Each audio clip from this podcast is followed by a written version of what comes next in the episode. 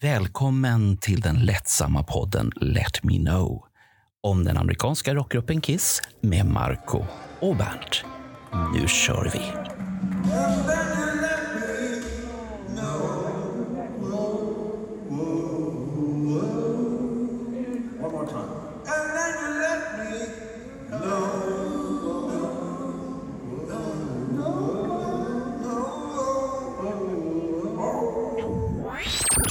Då var det dags för en ny podd, Bernt. Och nu Ja. går vi tillbaks till våra rötter igen. Och vi har en gäst. Minst sagt går Ja. vi tillbaka till våra rötter. Jag, eh, nu ska inte jag säga det här ordet, för, för- för det, det, det är inget fint ord. Och då kan man skrämma bort sina gäster med det. Men jag är en aning starstruck. Ja, det har vi märkt, för det har varit en jävla eh, igångsättande av Mm. programmet här nu. Mm. Så vår gäst börjar bli otålig och tänka, är det verkligen samma personer som är i podden eller är det några andra? Där han tänker att det är så här Bonnie M-aktigt det här. Det, det är ju samma personer, men grejen är att det här märks inte utanför studion. Det är bara i studion som jag blir alldeles till mig i trasorna. Och så bara känner jag det. Inte bara så är vi här i vår studio, bara det är jättebra. Lyssna på det här ljudet. Ja, du tog alltså. något vitt också här innan så att Ja, du skulle ja, ja. komma upp i varv. Ja, ja, ja, ja, det är klart att vi gör det. Alla Ja, musiker. det, det, blanda inte in mig, det var du som gjorde det. ja, ja. Ja, blanda inte in mig i dina vita grejer. Ja, mm, ja. Men du säger välkommen Messiah. Tack så mycket. Hur mår du? Jag mår bra. Det var- Trots eh, snöstormen ute idag. Ja, idag är det snöstorm. Det är Ja, vitt överallt. Pendeltågskaos. Det tog lång tid att ta sig hit, men det, det gick bra. Alltså, hade du pendeltågskaos hit? Ja, ja, Åh Foscott, jag tycker det varit så lugnt in i stan så. ja. De, eh, alla är sjuka nu, de här Ja, jo, spär- ja, spär- det, det dörrvakterna på tågen som ska få sparken. De. Ja, du hörde av dig till oss Ja, och sa så här, jag har massvis med att berätta. jag tänkte det för att eh, ja, jag har liksom Kiss är anledningen att jag blev musiker. Så att det, var, det kändes rätt. Och så har jag hört alla avsnitt. Och sen har jag ju varit medlem i eh, Bands fanclub. här. Wow, ni, ni hör ju kära lyssnare. Ni hör ju. Hette det Kiss Fanservice eller vad hette det? Från, här är en som har koll också. Jajamän, från Ja. allra första början. Och det var ju väldigt enkelt. Jag ville inte att det skulle heta Kiss Fan Club. Och Kiss Army, ja, det kom sen. Ja. Telefonsvararen, minns jag rätt att det var att ibland var det meddelande från någon i Kiss på telefonsvararen, eller var det inte det? Det kan ha hänt. Ja. Ja, Jag ringde om och om igen för att man ville ju höra liksom. bara, "Oj, han- Gene säger något, liksom. jag måste ringa igen och lyssna. Men det var ju så häftigt också på den tiden för att det, det var ju enda informationen man fick liksom, om Kiss.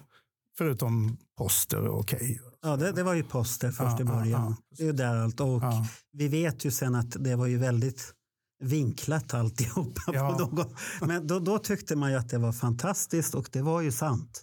Det som stod där. Ja. Det var ju världens största rockband. Så var det ju bara. Det var ingen som var större.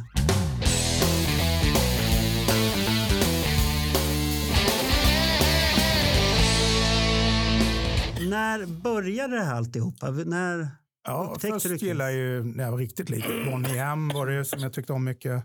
Och sen var det Bee Gees. Sen var jag hemma hos en kompis som heter Tony Olsson i Ronneby. Då, leker i Ronneby där jag kommer ifrån. Och eh, han, eh, har du hört Kiss? sa han. Kiss? Ja, jag har talas om De är galna. Käkar bebisar och sitter på kotungor. Och han bara, nej, nej, nej, det där är bara skitsnack. Alltså. Lyssna nu satte han på Love Gun började spela och så kom Christine 16.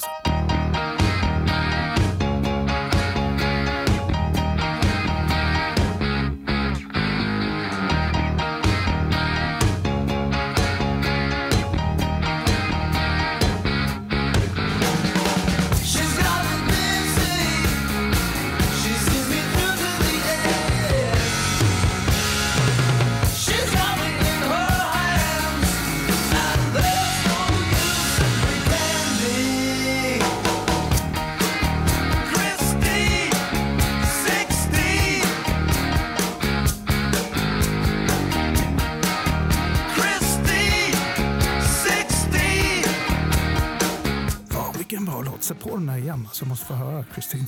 Sätt, sätt på den igen. Så han spelade den flera gånger. Sen var jag helt fast. Började kolla på planscher och bilder. Sen var det ju bara det som gällde. Så många, många år, eller många, många år. Man har så dålig tidsuppfattning när man är så liten. Men eh, det vart ju bara Kiss man lyssnade på ett tag. Alltså. Men, men du hade inte sett dem på något sätt innan eller i poster eller Nej, någonting? det vart ju då liksom. Det vart hade då ju planscher var. och grejer. Så började man Ah. titta så fick jag köpa några direkt. Och så var man ju igång och bara köpte allt man kunde komma över. Liksom. Och det var ju så magiskt. Man levde med alla de här posterna så länge och sen kom de på tv när Kiss Alive-reklamen visades någon gång. Då hade man ju spelat in då på VHS.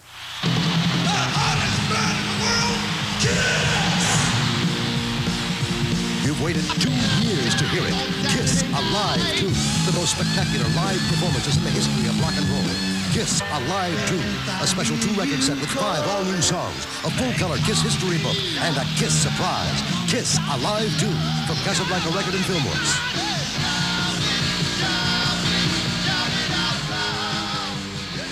nyårshelgen eh, 80 så visades det ett eh, ja, någon slags blandreportage med allt möjligt smått och gott, inklusive det här som du efterlyser nu. Alive 2-reklamen. Jopp. Som var riktigt bra. Alltså, den var ju så ruggigt bra så att det var läskigt. Men redan 78 så eh, de nu som var medlemmar i Kiss Fan Service och fick gå för sina föräldrar, de var ju på kåren den 15 oktober och tittade på den, någon reklamfilm till och sen de här 55 minuterna från Tokyo 1977. Eh, Om du, om du var med då, då, då, då måste du ha haft en sån här åh, oh, känsla efteråt. Men det kan ju vara, vara så också att dina föräldrar sa det är för långt att åka, det får du inte. Det var, man levde med sina liksom, eh, posters och sin fantasi. Liksom. Mm. Och det var ju, man bara titta i Alive 2 och man ser det här med eldarna och allt det. Liksom, man trodde ju att det var så hela tiden. Fast det var det ju inte. Men, men eh, just då- när man då- såg den här ja. reklamfilmerna, och man fick, det var som ens planscher fick liv. Liksom. Man, och det var ju det bästa från konserten som de visade Ja. där också. Så att vi fick ju inte se de här tråkiga Ja. delarna överhuvudtaget. det var det jag ville fråga dig om lite Bernt. Du träffade väl Kiss när de var sminkade och i kostymer och grejer 1980? Hur, hur kändes det? För du var väl inte så gammal då? Liksom? Jag var 19 då och då hade jag ändå eh, träffat Kiss, eh, vad ska man säga, civila. Eh, för de, de tillbringade flera dagar i Stockholm innan konserten. Eh, och då var det mest bara så här, jaha, ja, så ser ni ut. Kul för er, kul, kul. Eh, och sen så hade vi en teckningstävling i Kiss Army Sweden. Eh, väldigt, väldigt snabbt blev den ihopkommen därför att eh, jag vet att Marco, han eh, pratade om den här eh, otroliga obstinata 14 ursäkta, den obstinata 14-åringen i avsnittet som handlar om Eh, Kiss 1976 i Stockholm. Eh, det där satt ju kvar redan, eh, det satt ju kvar 1980, jag var ju 19 då.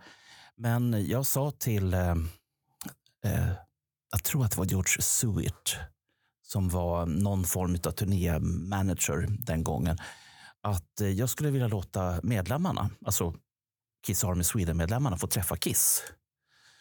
Och då såg jag hur, hur han liksom himlade med ögonen. Och så sa han, hur många har du? Ja, 700-800 kanske. Nej, men det går inte. Det måste du förstå att det inte går. Eh, det förstod jag att det inte gick. Men jag sa så här, vad sägs om en 10-15 stycken? Och så sprider vi dem mellan konserterna i Sverige. Ja, ja, nej, men absolut. Hur har du tänkt dig? säger han. Ja. Eh, ja, någon tävling eller något. Måla, teckna, men något, något kreativt helt enkelt. Och vinnarna får träffa Kiss. Eh, och så vart det. Och jag, så som jag minns historien så var Suet med och valde ut teckningarna. Eh, sen var det som så att det var ju väldigt få teckningar på Eric. Och det var ju lite tråkigt. Så att hans bok var lite, lite tunnare för att det inte skulle märkas. För att vi klistrade in alla de här tävlingarna, eller förlåt, eh, teckningarna i fyra tjocka böcker med om, fär, samma färg som solalbumen hade. Och bidrog, bidrog tio personer som fick träffa Kiss. Sju i Stockholm, tre i Göteborg, noll i Köpenhamn. Och eh, de här i, i Stockholm, som svar på din fråga. Det enkla ordet är larger than life. För att vi hade stått och väntat kanske en kvart på dem. Och sen så ropade turnéledaren, nu, nu, skynda er, skynda er, skynda er. De ska upp på scen strax. Så vi kommer bakom scenen. Allting är preppat. Fotografer, Kiss och allt annat. Och så fäller vi ut de här sju som vi hade med oss. Och det som jag kommer ihåg var ju att jag fick en idé om att jag och Anders vi liksom skulle sätta oss på knä så att inte vi skulle vara i vägen för upplevelsen för alla. Och att liksom stå på knä och så har man Ace Frehley precis ovanför sig. Det, det är en annorlunda upplevelse kan jag säga. Ja. Man, man är inte så stor då. Men hur kändes det, för du var ju också stort Kiss-fan, och, och få se dem i kostymer och smink och Mm. platådojor Mm. första gången liksom komma så nära, det måste vara Eh, när, när, vi, när vi kom in, det första som vi rundar är Gene Simmons. Och då står jag... Jag, jag tror att jag bromsade upp innan gruppen liksom knuffade mig vidare. Jag står där och jag är i alla fall 1,81 lång. Och Simmons med platåskor, jag vet inte hur många meter han är, men 4,5 eller någonting sånt. Och den, den upplevelsen, den kan ingen någonsin ta ifrån mig.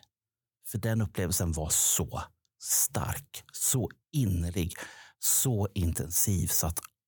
Ah, jag, kan fortsätta en timme till om du vill.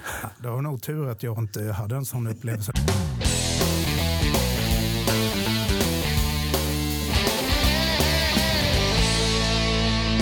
Jag, jag var 13 år och gick på eh, först, första eh, Unmasked, då, i, fast i Bröndbyhallen i Köpenhamn. Där vi- jag minns, Där vi också var. Okej, så det var min styvmor då som var snäll att ta med sig 13-åringen på konsert. Liksom. Men hon är cool, hon är lite så här hippie, spelade mycket sån bra musik. Men innan jag hörde Kiss hemma liksom, fick jag höra Moody Blues, 10cc och allt möjligt bra. Men eh, Fleetwood Mac också. Så eh, jag hade en bra musikalisk uppfostran där. Och så hade min farsa då som är italienare spelade mycket Pavarotti och Frank Sinatra. Så att, eh, jag fick mitt eh, sångvibrato där, wow, liksom, eh, inbyggt när jag växte upp. Liksom. Det okej. var, man väcktes alltid av Pavarotti på lördagmorgnarna. Liksom.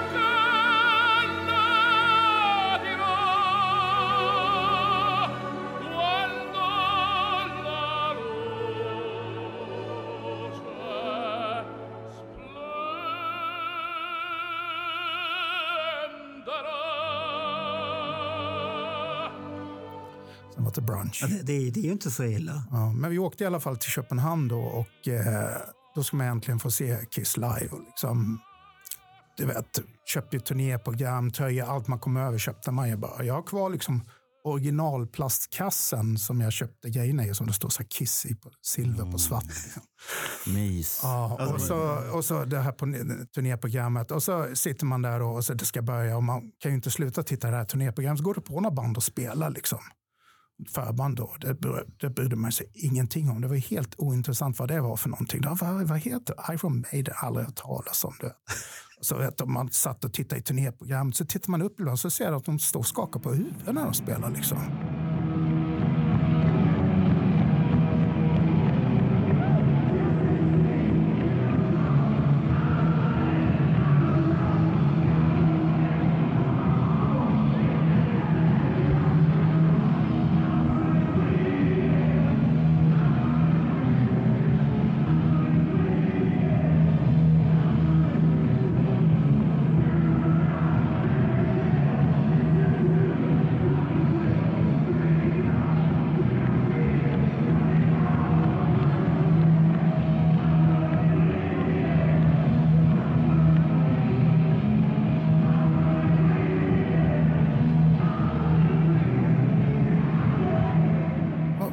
Varför gör de så där? Är det något fel på dem? Liksom?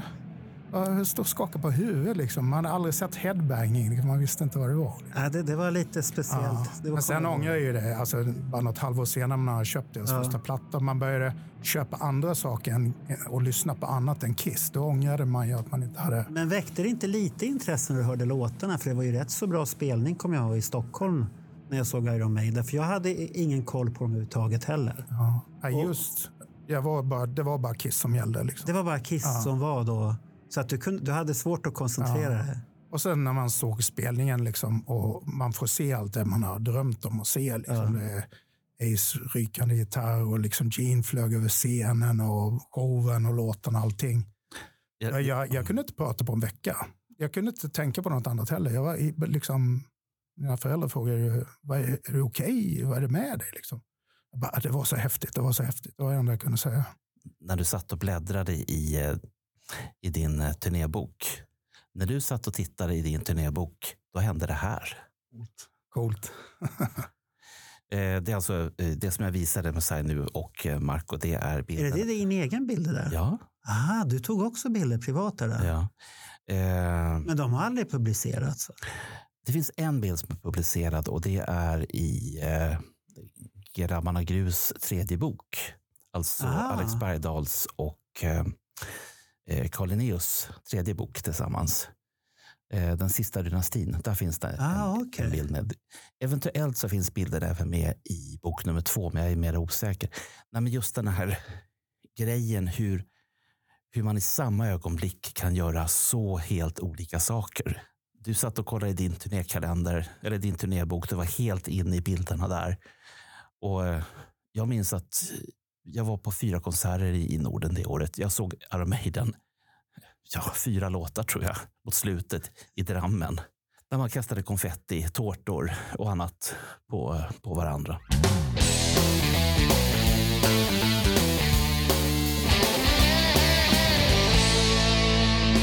Det blir ju så också när man, då hade ju inte jag träffat Kiss, men jag hade ju sett dem live. Och då kom ju, då vill man ju se mer konserter. Så jag tror nästa konsert jag eh, såg var Finn Lizzy på Olympen i Lund på Renegade-turnén. Och då fick jag åka själv då, inte själv, men jag fick åka med några äldre kompisar dit och titta. Hur gammal var du då? Ja, två år senare, vad blir det, 15? Ja, 15. Det är ju rätt så bra Ja. ålder ändå att få uppleva det själv. Och Finn Lizzy, det var ju också magiskt. Det ska ju varit en klassisk konsert. Ja, det var riktigt bra. För det finns en annan podd som har tagit upp det. En så här, de som har Queen-podden, de har startat en Tin Lizzy-vlogg. Den den skulle du titta på för du kommer få mycket nostalgiska vibbar direkt när du lyssnar på den där. Men det är just det där när man träffar folk. Eller som jag såg Kiss, det släppte lös någonting. Jag ville se mer konserter, jag ville köpa mer skivor. Och vi hade en skivback i Ronneby liksom, där det stod hårdrock. Det kunde vara allting. Där, från, liksom, man gick ju på omslagen vad som såg häftigt ut. Liksom. Anthrax, liksom, Fistful of Metal, och hade man någon får på käften. Liksom. Det köpte man ju direkt. Liksom. Sen, man visste inte, Ja. man hade ju inte hört det. Liksom. Man bara köpte på, på omslagen hur de såg ut. Men eh, sen fick man ju koll, Judas Priest och sånt. Och det bara rulla på. Liksom. Det kom det här lite tuffare Ja, ja. musiken. ja och Men- tyngre men- också. ja. Sen var det ju för mig då, Merciful Fate hade stor, eh, stor, stor grej. Jag var med i Ja. Merciful Fates fanclub. Och ehm, ja, Judas Priest och, liksom, och Trouble som är ett band från Chicago som spelar just doom metal. Och, fantastiskt. Men du var ju, vad- vad jag kan höra och, och vad jag minns från den här tiden själv är att du måste ju på något sätt ha varit på the edge. Alltså du var den som på något sätt plöjde mark åt, åt de här banden. Du nöjde dig inte med liksom de här etablerade som Kiss och Thin Lizzy utan du var liksom och grävde djupt i, i backarna efter de här precis nya banden. Egentligen började jag ju tidigt då med min vän Tony Olsson i Ronneby. För att han visade ju mig Love Gun-plattan, spelade upp det där, planscherna. Sen bara, jag spelar både trummor och bas. Liksom. Ska vi gå och testa lite? Ja, det kan vi göra. Kul. Jag hade ju inte spelat någonting. Liksom. Så att eh, bas fattade jag ingenting först. Så att, ja, men då får du spela trummor. Så jag spelar trummor och han eh, spelar bas. Och så körde vi liksom, började med Kiss-grej man kunde ju låtarna liksom. Så man försökte spela med då. Så, och så startade vi band direkt typ. Då. med en annan kompis som spelade gitarr. Men vi hade bara en förstärkare så de fick turas om. Och, liksom en, och mikrofon fanns inte. Och den ena sa, jag tror det var Tony, sa jag vågar inte sjunga. Och den andra sa jag sjunger falskt. Så att, eh, då var det bara jag kvar. Så då, sjöng, då trummade jag och sjöng samtidigt. Jag fick ju ta i. Hur gammal var du då när du började? Ja, vad kan det vara? Det var väl då 78 liksom. Som Då var det då det började att du var, 11, kände att det här... något. 11 kanske. Kände du dig bekväm med det? Ja, ja. Det var, det var ingen konstigt Nej, nej, vi bara körde. Och så körde vi bara Kiss-låtar Ja. först då. Men det tog inte lång tid förrän vi började liksom kände att nej, vi ska nog vi ska skriva egna låtar. Så vi började göra egna låtar. Så vår första konsert, då gjorde vi bara originallåtar, inga Kiss-låtar med. Men vi, vi, hade, vi måste ha image, vi var ändå Kiss-fans så vi tänkte vi ska alla klä oss i svart. Jaha. kom jag på då. Ah. Men sen Tony då som spelar bas, sa, ah, men jag, jag ska ha svart mantel för jag, jag vill vara som Gene. Like, Han har ju mantel, fast allt, jag ska ha svart mantel. Ja, coolt då. Och så tänkte jag, ah, jag, jag ska nog ha så här ishockeyskydd också, sätta på axlarna tänkte jag, så jag ser lite mer krallig ut som Gene, liksom så här häftig du vet. Ja. Så kom vi då till Ron där, som är ett stort spelställe i Ronneby. Det var massa folk och det var något lokalt band också som heter High Voltage som var så här ACDC inspirerat fast med egna låtar. Några covers också men de kör också eget och fast det lät som gamla ACDC typ. Och det var mycket folk där liksom. Och då kom vi ju till omklädningsrummet liksom. och då är ju alla andra banden där inne också liksom. Och han tar ju upp de här hockeyskydden och liksom, hur har de hamnat här? De här hockeyskydden. Jaha, han det måste ha blivit något fel. Han skämdes. Han vågade inte sätta på sig hockeyskydden. Liksom. Men han bar manteln. Det var Ja. cool. Liksom. Så att, ja, vi körde på och det var ett bra gig. Liksom. Det var min första Ja. spelning någonsin. Och jag trummade och sjöng samtidigt. Och det gick bra allting. Vad kallade ni er? Sounds. Sounds? Och så hade vi Kiss S då, Blix där. Vi hade ju snott rakt av från Kiss. Liksom. Det var ju uttänkt också att två S ska vara med i bandnamnet. Liksom. Så okej. vi kan ha den här blixtessen. Och sen kom recensionerna sen i Blekinge Läns Tidning och sådär. Och då stod det liksom, ja, Sounds var ett bra band, de lät som Black Sabbath. Vi bara, Black Sabbath, vilka är det liksom? Vi vill ju låta från Kiss, vad är det här liksom? Det måste, ah, vi tänkte bäst vi börjar lyssna på Black Alltså, Sabbath. ni, var, ni var så pass tunga redan då. Ni hade missförstått det där Ja, eller är det något man har i generna?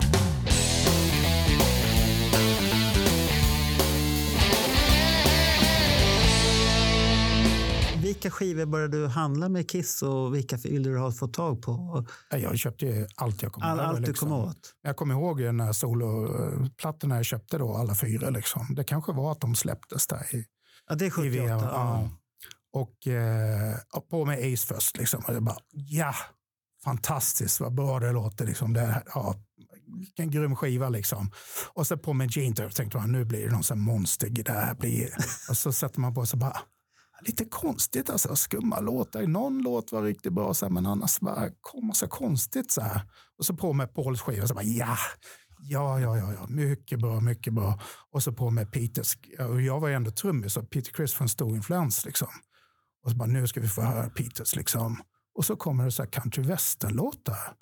Tyckte jag det. Ja, ja, Ja, jag, jag, jag, faktiskt, jag grät och jag gråter inte ofta, men jag grät. Så jag bara, hur, hur, kan, hur kan han göra det här mot mig? Liksom? Alltså, du var så besviken. Ja, jag var så besviken. Jag grät faktiskt på riktigt. Jag tyckte det var hemskt. Och än idag, jag kan inte, jag har ju de andra på CD, men jag kan inte köpa, Alltså, du, har, du, har du provat att lyssna på den igen? då? nej, jag, jag vågar inte. Du vågar. Jag, jag var jättebesviken själv på Peter Criss album men idag tycker jag faktiskt att det finns höjdpunkter på den.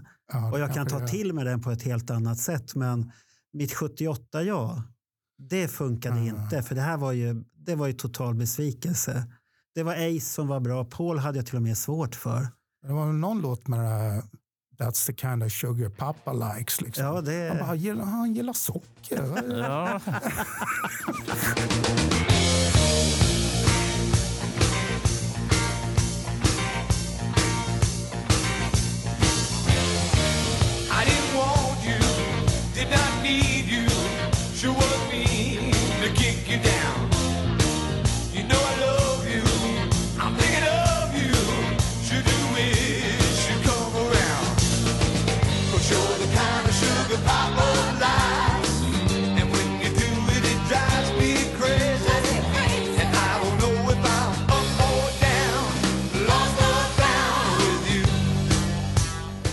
i kaffet eller vad är det? Han, han socker- fattar ju inte riktigt. Sockerkakor. Ja. Fast det här är ju lite grann som att höra eh, Gene Simmons prata om eh, I was made for loving you eh, som ganska nyligen. Där han då berättar om sin, eh, sitt ja, kanske hat till den låten. Och det var ju för att allt som han fick var ju du, du, du, du, du, du, du. Eh, och så innan dess så fanns det jättebra grejer som Paul sjöng. Och den ena raden var ju bättre än den andra och Simmons fick du, du, du, du, du, du. Men, men då är det inne på precis det som man beskriver också är att vad man säger är ju inte det man menar. Och som en ung Kiss-fan, jag fattade inte det här. Jag fattade inte att låtar var om moralsex, om analsex, om all slags sex som bara gick i omskrivna eh, meningar. Hur, hur funkar det för dig? Förstod du de grejerna? När du var... Jag, jag fattade inte texterna riktigt faktiskt. Det gjorde man inte. Och man var väl, jag hade lite koll på engelska med min styvmorsa och flyttade från Österrike och vi pratade bara engelska. Och så. Sen var jag tidigt, min pappa är affärsman och han hade glasbruk i, glasbruk heter det, i Ronneby. Och, eh, han eh, åkte ofta på affärsresor då och jag sa åt honom bara köp med allt med Kiss. Alltså. Bara du ser planscher vill jag ha, bara prylar, vad du än hittar. Liksom. Köp, köp, köp. Och han kom ju hem då med Kiss makeup-kit, den där originalet har jag ju liksom. Mm. Och där skulle man ju sminka ja, sig direkt. Liksom, sminka mig som Gene, du vet. Och sen liksom en halv flaska Heinz ketchup i munnen då ska ta foto. Det smakar ju fan. Alltså, det är ju gott om man har lite, till lite pommes frites eller något, men om du fyller hela munnen med Heinz eller ketchup, Ja. jag ska inte säga något märke, men Ja. det, det, det smakar inte gott kan jag säga. Alltså. Nej, nej, Men man stod ju där för det skulle bli häftiga foton. Liksom, så att, eh, man fick lida lite för konsten. Liksom. Ja, ja. Fan, jag kommer tänka på en grej nu här. Förlåt att jag snor din story här. Jag vet att det här måste ha varit runt solalbumstiden när den här lådan kom. Eh, och den var ju, det var ju lögn och helvete att få hit den. Och, eh, så att jag och Anders Tegner, vi gick till Teaterspecialisten som då var den enda butik som överhuvudtaget hade grejer som hade med skådespeleri att göra. Och vi frågade ifall de hade eh, Kiss-smink. Det hade de ju inte, för de visste inte vad det var. Men de hade clownsmink, de hade sån här eh, pancake makeup och och allt vad det nu heter. Så att vi, vi köpte ihop en, ett litet kit där för vi tänkte att vi skulle kunna sälja till fanklubben. Eh, och Anders, förlåt nu ifall jag avslöjar en hemlighet, men du var jättesöt som en av medlemmarna i Kiss. Och Jag tror att du har bilderna kvar. Vilken medlem var han? Det kan jag inte säga. Eftersom han var söt så var han Paul Stanley då? Jag säger ingenting. Jo, det ser man på det att han var. Han, han får tala för egen. Nej, men, grejen var så här, jag vill inte hänga ut Anders, förlåt. Men, men grejen var att vi, jag vågade faktiskt inte. Vi köpte grejerna, men jag vågade inte. För jag tyckte- Sminkade inte du dig? Nej, jag har aldrig sminkat. Alla har väl sminkat sig? Nej, inte jag. Nej. Ni ser vad blyg jag är. Vi hade till och med det i roliga timmen när jag gick i var det f- femman eller sexan. Mm. Då skulle vi sminka oss till Kiss. Då var det flera i klassen som Ja, skulle ja. göra och tjejerna skulle vara duktigare och hålla på. Det vart ju väldigt konstigt och en annan vart ju sur då. så där ser de inte ut. Ja. Nej, men vi, vi hittade bra grejer och så skulle vi liksom ta rätt på hur mycket det kostade och så insåg vi det att det kommer vi aldrig kunna sälja.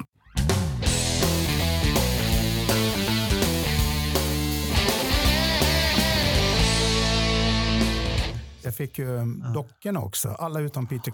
Då. Ah, Och liksom, jag hade en sån här ljusorgel hemma. Du vet. Den har ljud och så blinkar i olika färger. Och då ställde jag ju dockorna där framför. Liksom. Jaha, inte, för att, okej. inte för att man vill leka med dockor, men det var ju Kiss. Liksom. Så det, det var ingenting, ja de här ska jag spara i boxar så att, tills jag blir gammal. Det, ska, vara- det var bara slita upp dem ur kartongerna och börja liksom göra Men du klippte, du klippte väl ut instrumenten på baksidan? Ja, ja, det Ja, gjorde man. det- det var- jo, jo, jo. Men alltså, det var liksom man ska göra Kiss-show. Och hängde på gitarrerna och sen framför den här ljusorgeln. Och, och, liksom, och jag gick hårdast på Gene, liksom, så att han har ju ingen hand kvar idag.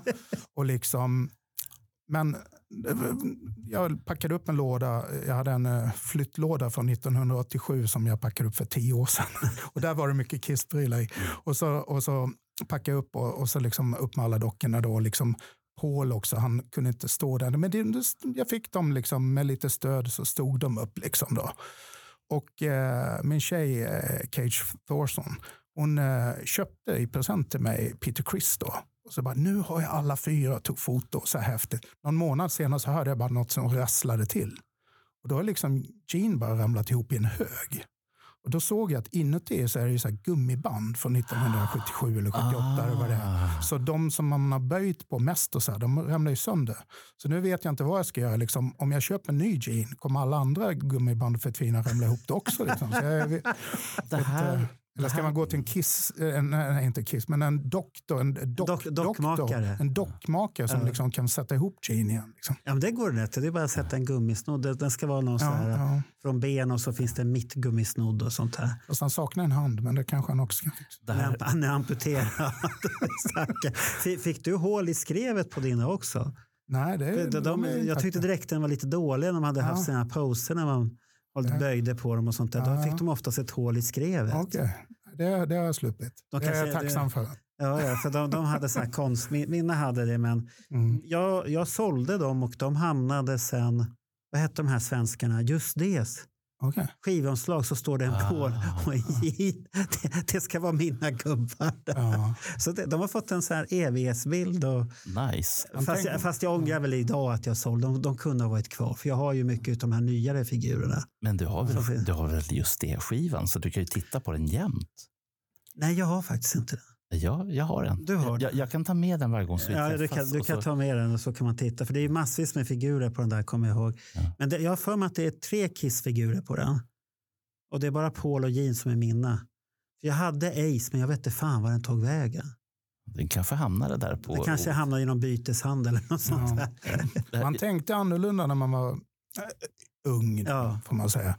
För att jag fick till exempel pussel då med, med eh, Ace och Paul. Ace står vid någon uh, space-grej, några Ah, blinkade där lampor. Och det. pussel på Paul, eh, han står väl bara med någon rök tror jag. Ja. Och vad gör jag liksom? Jag gör klart pusslerna och sen hittar jag kartongbitar då. Och så limmar jag fast pusselbitarna på kartongbitarna och gör liksom tavlor utav det hela.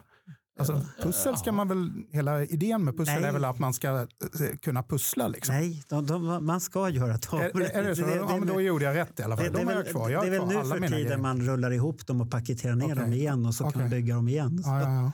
Ja, Då gjorde jag rätt. Ja. Får jag backa lite grann här? Ni- Ni pratar om dockdelar. Eh, Det här förklarar ju en annan sak också. Eh, För inte så länge sedan så såg jag en kille som åkte iväg på en liten convention där Peter Criss var med. Eh, Där en autograf kostade 80 dollar styck. Och den här killen han, eh, han, signer, han bad att få två grejer signerade. Det ena var Peter Criss eh, dockask. Eh, och så sa han det, fast Peter har lite svårt att stå för det fattas en fot eller vad det var för någonting. Men han sa det att jag ska prata med en, ja han sa inte dock, doktor, men det var ju liksom hela andemeningen. Och jag bara ser framför mig att det måste finnas en hel industri nu till gamla kissdockor som, som farbröder skickar in. Eh, som säger snälla kan ni rädda min Peter Criss? Jajamensan. Fast, fast det finns rätt så gott om sådana dockor på conventions nu för tiden. Det gör det. Ja, det var det när jag var 2018 i Indianapolis. Då fanns det, och de var inte så jättedyra heller. Det är, de här, det är den äldsta sorten. Ja, den äldsta Ja. sorten. Så det fanns rätt så många att få tag på där. Ja, men ska du slänga din amputerade Peter? Du vill väl reparera honom? Ja, man, ju man kan ju ha honom i en sån här nostalgiask. utan Här är fötter. originalet. I såna. Så kan man öppna den och så tänder man ett ljus. Och...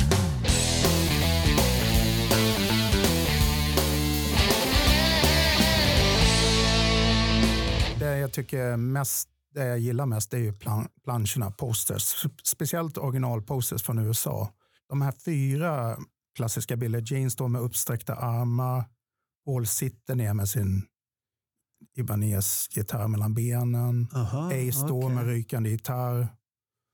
Det låter som Åh. de, här, de sista Bootwell-affischerna nästan. Det står så här coin management eh, med Kiss-logga på Men de är planscherna. gigantiska. Nej, de är inte, jätte, Inte jättestora. gigantiska. Men de jättestora du pratar om, de har jag också.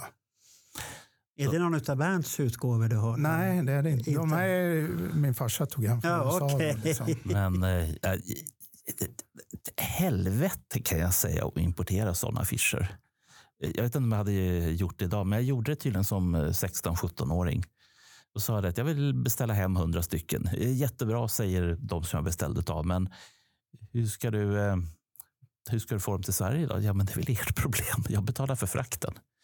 Så jag beställer väl 100 av varje utav de här jätte, jätte, jättestora. Eh, och sen eh, både lite grann svar på en, en fråga du har ställt till mig. Som handlar helt enkelt, ja men hur, hur får du det att gå ihop då? Eh, för jag tog, vad var det, 24 spänn för en sån här affisch plus frakt. Helt dum i huvudet måste jag ha varit. Jag, jag tror jag tjänar kanske fem spänn per affisch. Ja. Utan tänkte liksom, ja men det är 100 affischer, det är tre olika affischer, men det är 1500 kronor. Det är, det är, det är pengar det också. och eh, sen eh, hittade jag ett gäng sådana här 2008 som jag bad en, en vän sälja åt mig. Och jag vart så här, och fy fan, kostar de så mycket? Eh, Och nu är de ännu dyrare. Nu är de läskigt dyra. Så att, eh, Jag tänkte att jag ska rama in en av de här jätteaffischerna, men hur gör man? Det måste finnas något ställe som gör Ja, det, ramar. det, då, det är bara att åka till så här eh, som säljer ramar, rama, Ja. ramamakeri som det Ja, Och vill du, vill du ha tips på en bra, då söker du upp i min vänlista Morgan Östergren. okej. Han har connection på det där. Ja, Så, att, det, det, det, så då har du tips Ja. var du ska vända dig och då blir det väldigt bra gjort med skyddat glas och alltihopa. Jag har kvar alla mina Kiss-brillor. Jag, har inte, jag hade någon plastgitarr med en bild på dem bara, men den, den var liksom strängen var trasig. Jag tror jag Ja. slängde den bara. Nej, det får man ju inte göra. Ja, men jag inte tänkte det, ja, men det såg för jävligt. Ja, en vit ja, men- plastgitarr och sen var det en bild från Destroyer. Liksom. Ja, Den såg inte bra ut. ja, men det hade man ju kunnat restaurera upp. Kanske, ja. Sätta fiskelina där eller något sånt där. Och så Men annars har jag inte slängt någonting. Ingenting. Nej. Men du, du har inte samlat på vinyl eller sånt där? Det, det, Nej, inte, det var inte, din så. grej? Jag köpte den bara och lyssnade. Liksom. inte, inte det här med bootlegs eller någonting nej, sånt där? nej, nej. Nej, okej. Så du, du, gick, du gick hardcore på musiken och på prylar istället Ja. och affischer. Ja, men jag, som sagt, jag kan inte göra av med Nej. grejerna. Det är liksom heligt för mig. Har du alla poster och sånt här också? Eller jag vet inte om det är alla, men allt som jag kom över då. Eller? Ja, ja. Och är de bra skick eller har de, Ja. är det så här med nålsticks man har Jo, bundit är det ihop ju. det? Jag hade ju ett, ett kissrum. Alltså det var Ja. ju, alla väggar var bara planscher överallt. Så hade jag en, eh, ja, en klasskompis tror jag det var, som var över någon gång och, och han, eh, ja, wow, han ville ju se kissplanscherna då. Så, så då är jag iväg och, och pinkade. Bara när jag kom tillbaka då liksom, skulle han dra på sig jackan. Då såg jag att han hade liksom jag hade ju en bunt med planscher som låg också. Jag hade tagit en bunt och liksom försökte sno dem. Liksom. Jag var ju vansinnig. Du vet. Slängde ut den. Liksom. Du får aldrig hälsa på mig. Vi är inte vänner längre. Liksom. Vad var det för vän egentligen? Ja, han Ja, tog väl chansen där. Ja, Liksom. ja. Han- Han, han- han, lärde sig kanske någonting. Eller är han politiker idag? Jag tror inte det. Han, eh, han lärde sig att han inte kunde vara tjock under jackan i alla fall. Ja, äh, sånt där är tror jag, för jag, jag pratade faktiskt med min mamma. Det var häromdagen vi pratade om mitt kissrum. Hon sa, du hade så himla... Har du kvar dem där? Det värsta är att jag vet inte var de tog vägen. Jag hade ju tapetserat hela mitt rum. Och jag vet att en morbror när han kom på besök från polcirkeln där ner till Stockholm. Han han har ju sån här super 8-kamera så han filmade ju mycket. Så han filmade ju mitt rum. Och jag har aldrig fått se det där klippet. Nu är han tyvärr död. Och jag kommer nog aldrig få se det där. Det hade varit häftigt att se det här rummet. För jag kommer ihåg att det var, det var ju tapeter från golvet och upp. Allt som jag kunde hitta med Kiss var i rummet. Och det, det var ju väldigt mycket speciella. Och sen var det lite andra affischer på John Jett och sånt här i Ja, speciella ja. ställningar som ska vara motivation. Lita får det. Ja, och lite får så här, motivationsaffischer om man säger så. Men det, så hade man ju de här äh, kvinnorna i spindelnät som Bernt Ja. också tyckte var lite konstiga och sånt här. Men det var helt okej för min mamma.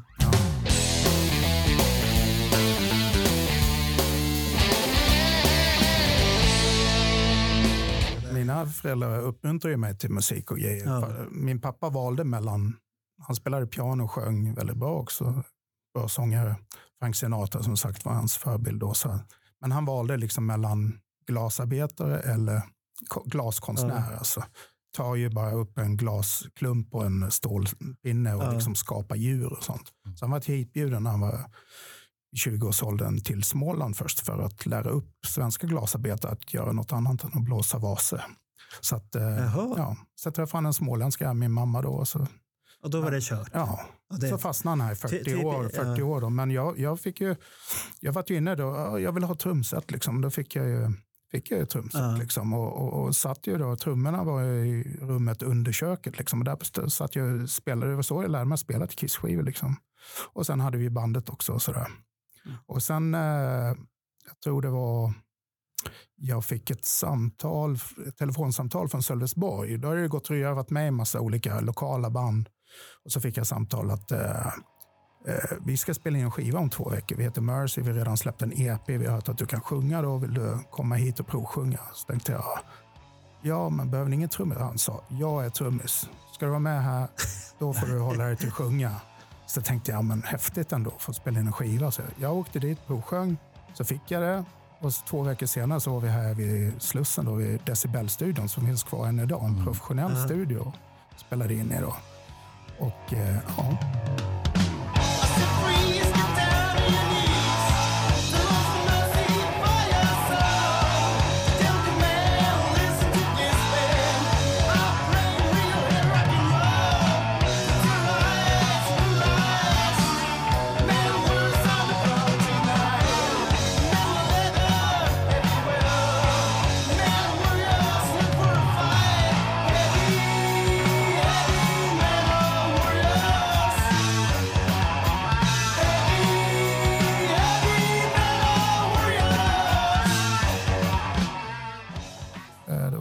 Låtar, Heavy Metal Thunder, nej jag kommer inte ihåg. Heavy Metal Warriors hette Heavy metal. Oj, oj, oj, oj, oj. Det det låter där. Gitarristen där, André Veljaka, han var eh, från eh, Jugoslavien och han hade koll på liksom ny musik och sånt. Och han spelade upp då till exempel eh, Merciful Fate för mig första gången. Och det är ju du vet, riktigt mörka ackord och väldigt bra spelat. mycket lite prog progressivt och liksom och så Trouble också.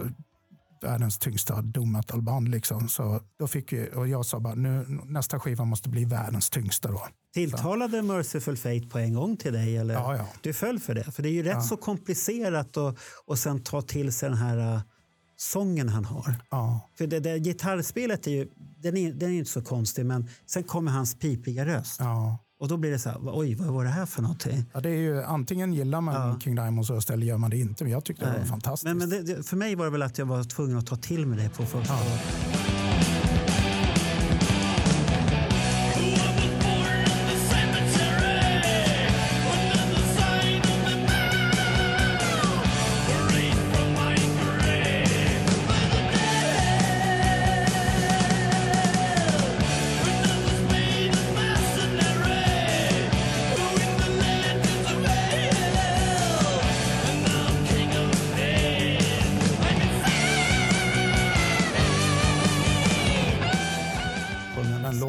med alla de här riffen som Ja. är ju fantastiskt. Liksom. Så att det satte ju igång hela det där. Då. Men så tänkte jag, man är ändå kvar i det här Kiss-tänket. Nu tänkte jag, nej, vi måste ha mer image, vi kan inte se ut som alla andra band. Liksom. Så det var då jag kom på det här med munkåpa.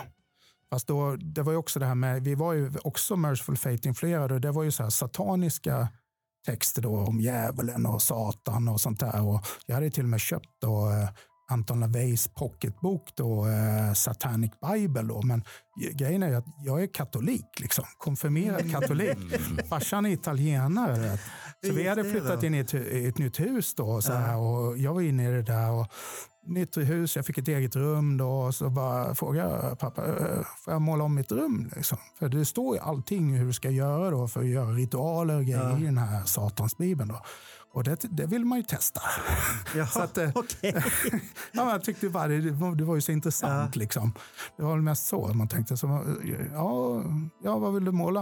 Han är, min pappa han pratade lite som, var i sättet och pratade lite som Gudfadern, liksom, med så italiensk brytning. Du vet. Ja, ja. Så pappa får jag måla om mitt rum? Liksom, ja, vilken färg? Vilken färg ska det vara?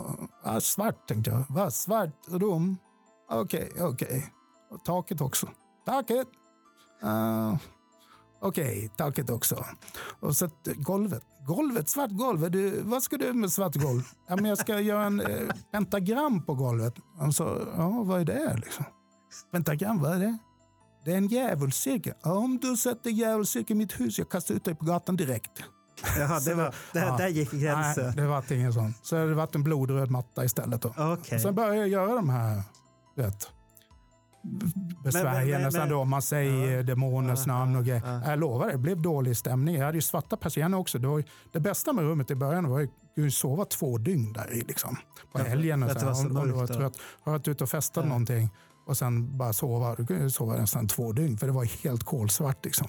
Men sen satte jag igång med de här ritualerna då. Och så var det liksom ju mer man höll på desto sämre stämning blev det. Sen vet inte jag om det bara någon slags Ja. självpsykos då, men det var liksom dåliga vibbar i det rummet. Liksom.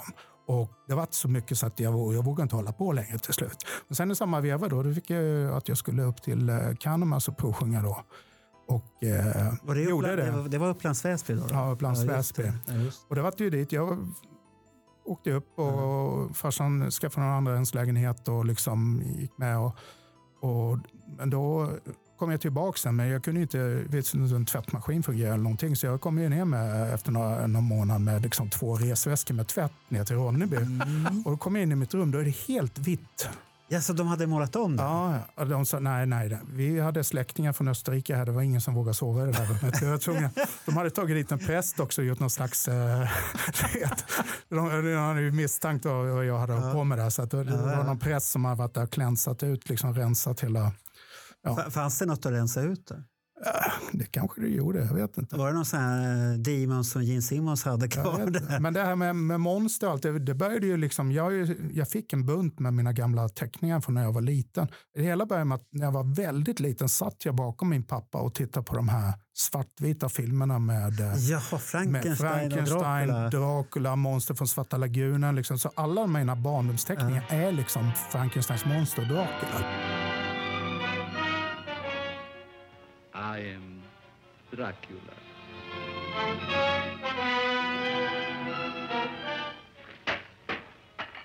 Dracula. The very mention of the name brings to mind things so evil, so fantastic, so degrading. You wonder if it isn't all a dream, a nightmare. Du har väl inte köpt den här DVD-boxen? Med... Har, har du ja, den ja, hemma? ja, ja, absolut. Det där, jag älskar att titta på det. Ja, det är ju klassiska grejer. Ja, och alla foton också Ja. från när jag är liten. Då gör jag så här monstergrimaser. Det har jag fortsatt med. Och så blev jag ju munk också då, liksom monstermunk. Ja, du berättade ju tidigare här när du frågade vad jag, vad jag hade för butik. Ja. Och när du fick höra att det var modellbutik med plastmodell. Åh, monster! Ja, ja, Då var du direkt inne på de här Aurora-monstren. Aurora. Och så sa du i hissen när vi åkte upp här, de lös, man hade en Ja, knapp. det fanns ju stämmer. olika med de, de, självlysande. Ja, de var lite dyrare. Ja, ja. De här som var självlysande. Nu har jag hört att det finns någon slags kopior som... ja, det finns på från. Polar Lights. Ja, okej. finns det kopior då. Ja, det där måste... Men det, de är inte lika bra längre på grund av att det är gamla ljudformer. Var det här möjligtvis sommaren 1975? Jag, jag, jag är dålig på sånt med så, men jag vet bara att jag var väldigt liten, kanske fem, sex år. och Man Okej. sitter bakom farsans rygg och får Ja. se de här. Och det, det som var så bra att sitta där bakom ryggen var för att man kan ju titta upp. Blir det fläskigt kan Ja, man gömma sig ja. bakom farsan. Liksom. Det var ju perfekt. Men ändå så var man där bakom vill man ju titta ändå. Men tyckte du att de var läskiga då? Ja, det var ju skräckblandad förtjusning, men när man är så liten, alltså då... Ja. Men sen gjorde jag ju dumma grejer också. Mina föräldrar jobbade mycket och när VHS och det kom, liksom, Jaha, då, då- då gick man och hyrde liksom Psycho du vet, och tittade på. Och sen var man rädd för dusch helt plötsligt. Och, ja, Motorsågsmassakern, ja, Boogeyman. och- hajen såg jag alldeles för Ja. unga, så jag kan höra hajen-musiken i en swimmingpool. Alltså. Ja, jag, har aldrig, jag har aldrig haft problem med det där. Men, eh, men hade, vi hade ju video också. Då var det ju mycket skräckfilm man hyrde. Morsan hittade en film, den hette Living Dead. Ja, ja. En svartfilm film från, jag tror det är 67, 68, något sånt Den är där. bra. Och jag tyckte inte den var läskig överhuvudtaget. Hon hade svårt att sova i ett Ja. halvår sedan Ja. tack vare det. Och hon jobbade ju som städare då, och, eller städerska. Och så skulle hon ner i de här eh, källargångarna. Det hade hon jättesvårt Ja, med. ja, ja. För hon tänkte nu kommer och det släckte svart ihop. Så att, eh, Herregud, man kanske man, inte ska eh, titta på sånt där om man inte tål det När överhuvudtaget. man fick se Gene Simmons liksom första gången, och det, här, det slog ju an direkt i, i det här monsterdiggandet. Liksom. Ja men det är ju mycket sånt. Det är ju bara att lyssna på Destroyer-skivan. Det är ju det här. Han, är väl själv, han var väl själv Ja, skräckfilmsfan? han, han, han och- älskar, han älskar det och han samlade ju på de serierna, eh, serietidningar och mycket och sånt. Han läste mycket och är fortfarande än idag. När han målar så målar han, han målar väldigt mycket mer annorlunda än vad Paul Stanley gör. Ja. Paul Stanley tycker jag är mer hötorgskonst. Eh, Gene Simmons måste jag säga att det finns en tanke Ja, okej. Och han har ingen kommersiell tanke som Paul Stanley har. Nu kommer jag få kritik för det här men Ja. jag tycker Paul Stanley har en kommersiell tanke bakom sin konst och det har inte Gene.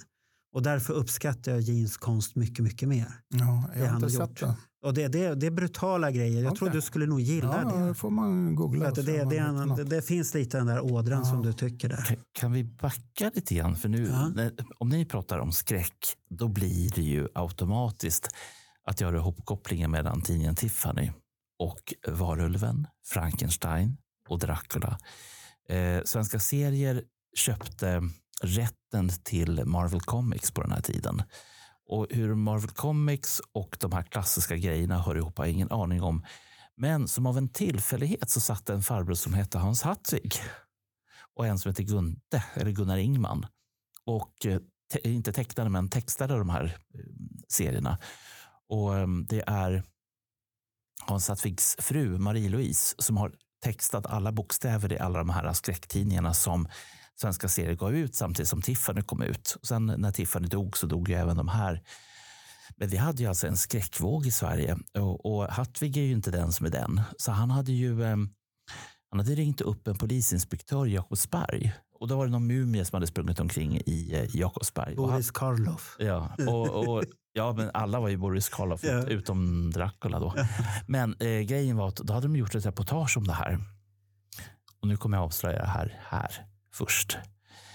Eh, jag ringde ju tillbaka till den här eh, polisinspektören och frågade hej, hörni, eh, är det sant att det är mumier som springer omkring i Jakobsberg?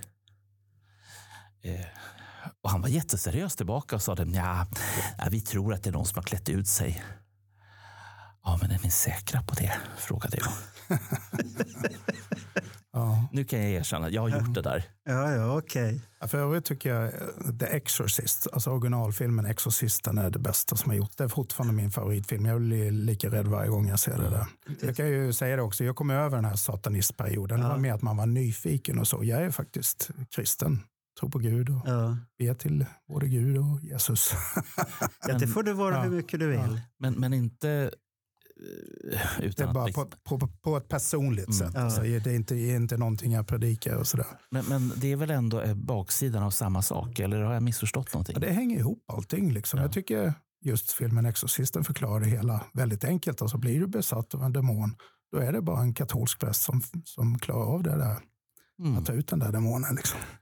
Och, den, och jag håller ju med dig om att den, eh, den ska ju skiten ur mig i alla fall också. Ja. Eh, och sen, eh, jag har ganska gott om film hemma hos mig och eh, jag sa till mina barn att ni kan få titta på det mesta, men ni är fan i skräckfilmerna, i synnerhet Exorcisten. Ja. Så det kanske inte hjälpte att min syrra brukade vända upp ögonhår, ögonen Ja. så de blev vita och sprang och jagade mig när jag var liten också. Det hjälpte nog inte heller. Så. Men jag har sett massor med extra material om just Ja. den filmen och den, den är fantastisk. Men nu ska vi prata om Kiss.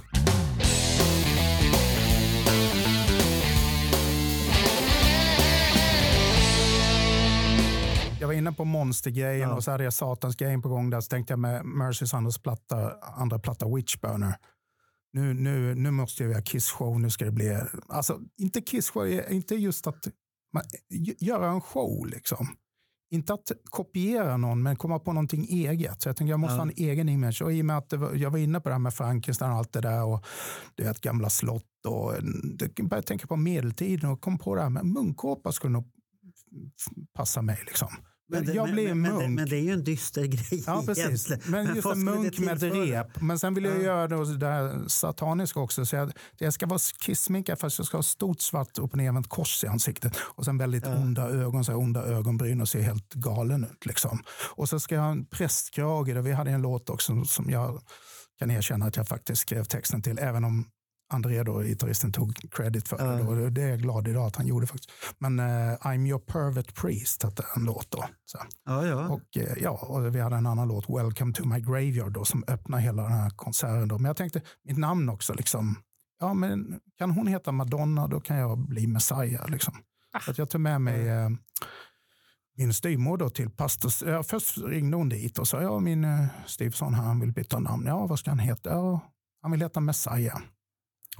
Och då sa det, det vet vi inte om det går. Ni får, ja, men då ni får komma hit och prata med oss. Liksom. Så vi kom dit och då sa jag, jag måste heta Messiah. Liksom. Du, du får fixa det här nu, spela arg eller någonting. Så hon gick dit och slog näven i bordet. Han, alla kallar han Messiah, han kallas för Messiah för alla, han ska få heta Messiah. Och de var ju rädda och så fick jag heta Messiah. Så det, Vad, vad, vad var du döpt till då? Eh, jag döpte till Bror Jan Alfredo Marcolin. Och då, på, det, på den tiden funkade det som att man bytte bort ett namn. Och Bror tänkte jag, det bytte jag bort till Messiah. Så Ja. nu är det Messiah Jan Alfredo Marcolin.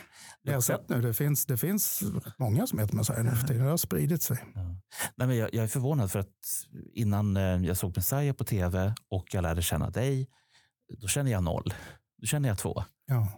Det är fantastiskt. Men det är bra tyst namn, det har funkat. Liksom. Och sen har det ju blivit ens namn. Liksom. Folk kallar en för Messiah. Ja, jo, det, Så, jag Det- tänkte i alla fall image, munkåpa, prästkrage, vitt smink då med stort svart upp kors i ansiktet, under ögon. Och sen skulle vi göra show då. Vi- vi- vilket band är du i nu? Mercy. Det är Mercy Ja, fortfarande. 1984 Okej, skulle ja. vi Ja. göra, vi hade en slogan, vi gjorde till och med så här en, en liten, köpte en liten annons i lokaltidningar i södra Sverige. Det stod “There's no tour like a witch burner tour, Mercy”. Och då hade jag tänkt ut det här introt. Jag hade varit nere på um, Ronnebys musikaffär och spelat in ett intro. Då, då, eh, Fredrik Chopins eh, Marsch von Ebre, den här begravningsmarschen. F- Som vi använde, gjorde om sen och spelade in i Cannemas också, som vi alltid hade som intro. Mm. Men då hade jag det med ett stort skrik i slutet på det här begravningsintrot. Och hela scenen skulle se ut som en kyrkogård.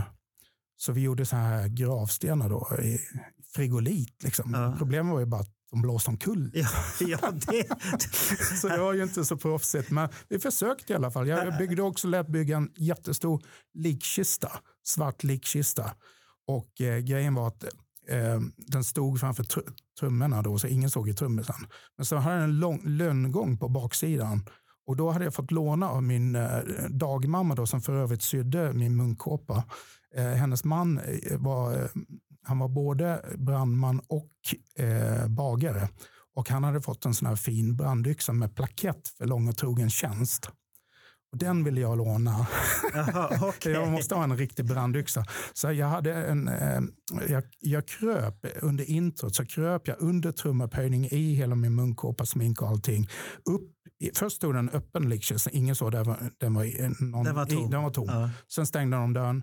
Så kröp jag under introt, under trumupphöjning med min yxa. Och när det här skriket kom i introt, då flyger jag ut med yxan och sätter den i en trästubbe som var längst fram. Och det här hade jag övat in. Liksom. Det var en riktigt vass Ja. yxa. Alltså. Problemet var ju bara att publiken hade sina händer på den där. Men de flyttade sina händer fort. Men hade de inte gjort det, då vet jag inte vad som Aj, hade hänt. faktiskt. Det var ju livsfarligt.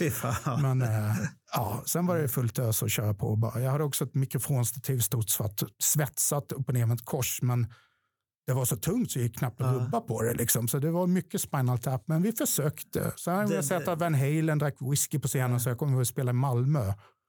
Och så äh, äntligen lyckats köpa en sån här Jack Daniels-flaska. Liksom. Och då du vet, tog jag mig upp den här då. Och jäklar, publiken började hoppa upp på scenen. Liksom. Jag tänkte, fan vad de gillar oss. Alltså, nu tycker de det är riktigt bra här. Kan man få en whisky?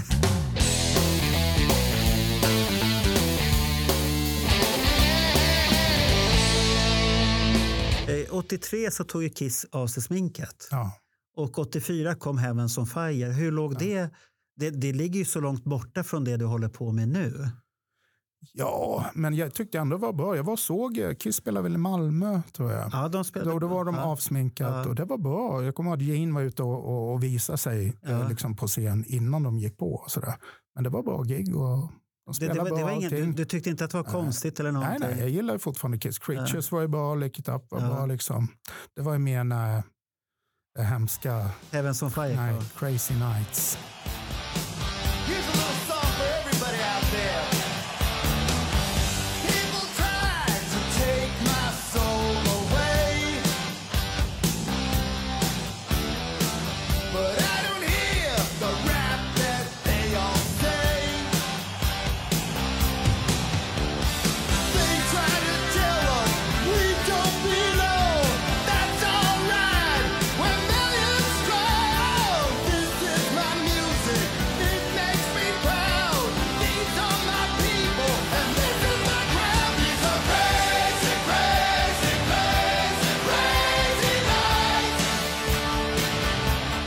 Alltså, det Ja, är ju 80, någon ja, då är det 88 redan. Jag, jag bryr mig inte om om folk blir arga. Jag- Folk får tycka vad de vill. Jag tycker vad jag vill, sen får Ja. folk tycka vad de vill. Men jag tycker Crazy Nights, när den kom, det var ju någon slags ja, men dagislåt. Liksom.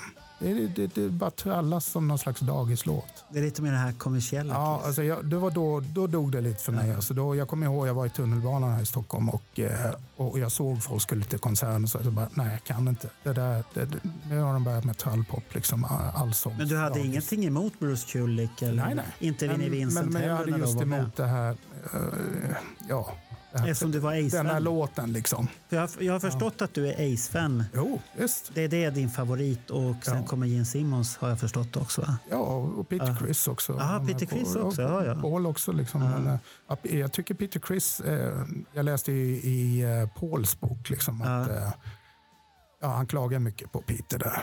Men eh, lyssna på de gamla Kiss-plattorna, vilket sväng det är. Liksom. Ja, men han behövdes i bandet. Ja, ja, men jag tror, jag tror faktiskt inte, hade det varit en annan trummis, kanske Kiss hade aldrig slagit igenom. Nej. För att det svänget som finns på de gamla plattorna, det är oöverträffat.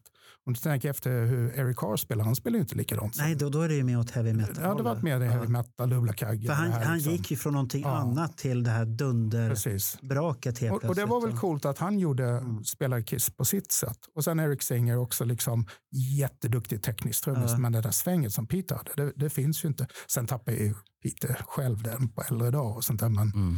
Men, Men, men det är ju förståeligt. Ja, det, det ja. kan man ju ta. ja. Men, men det kommer ju lite videos med lite med honom då och då. När han Ja. sitter där och Ja. jassar lite lätt. Och det värsta är att han ser så jävla charmig ut när han sitter med Ja. trummorna där. Ja. Och sen pling! Ja. Hur gammal är Peter idag? Han är född 45. Eh, Är han född verkligen 45? Ja. Inte 46, 47 har jag för mig. nej, det, det fanns en del som påstod 47, eh, men han var född 45.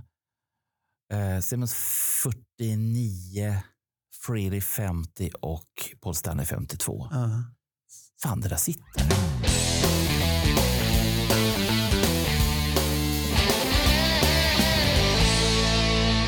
Musikaliska vägen du är på väg, den är ju mycket, mycket hårdare. Ja, tyngre framförallt. Candlemas är ju av många, alltså vi var ju influerade av Trouble då, men det var ju Ja. ingen som kände till Trouble riktigt. Och sen då deras första skiva innan jag kom med hette Epicus Domicus Metallicus. Det ska vara en sån här latingrej och då, fast det egentligen betyder Epic Doom Metal. Ja. Så att eh, jag fick höra det och det var ju helt fantastiskt. Jag tyckte det lät som Trouble. Jag fick tag på liksom, telefonnummer till Leif Edling då, som skriver låtarna där och ringde upp honom mitt i natten och bara jag ska bli en ny sångare. Han trodde jag var galen. Kanske han hade lite rätt. Ja, Men det, han det, det, har han själv Ja. sagt i Ja. något av de här Ja. programmen nyligen också. Galen är man Ja, inte. Men jag, det jag, jag, en vågar göra grejer i alla fall. Men, men jag kommer ju ihåg när de där skivorna började dyka upp. Och jag, jag köp, köpte ju mycket skivor då på 55an på Sankt Eriksgatan. Där då. Och eh, då kommer jag ihåg de här killarna som var på 55an. De presenterade det här. Här, här är någonting speciellt. Ja, Okej, jag hade väldigt svårt för det i början. ja. Fast jag hade lyssnat på Metallica redan och allt det här hade kommit i mitt liv och Anthrax och sånt där.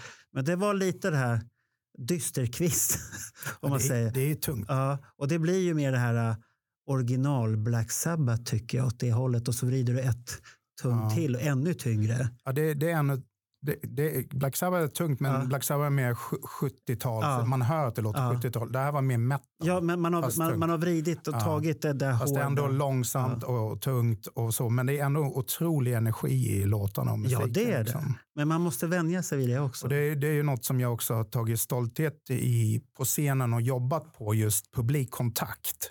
Att eh, se publiken i ögonen och, och få igång dem. Egentligen, det värsta som man går och ser ett band och så går de upp på scenen och liksom verkar, jag ska vara så jäkla cool, titta på mig, jag är cool. Det blir hur tråkigt som helst att titta på. Ja, det och, och nu det är- Ace med sina solglasögon till exempel.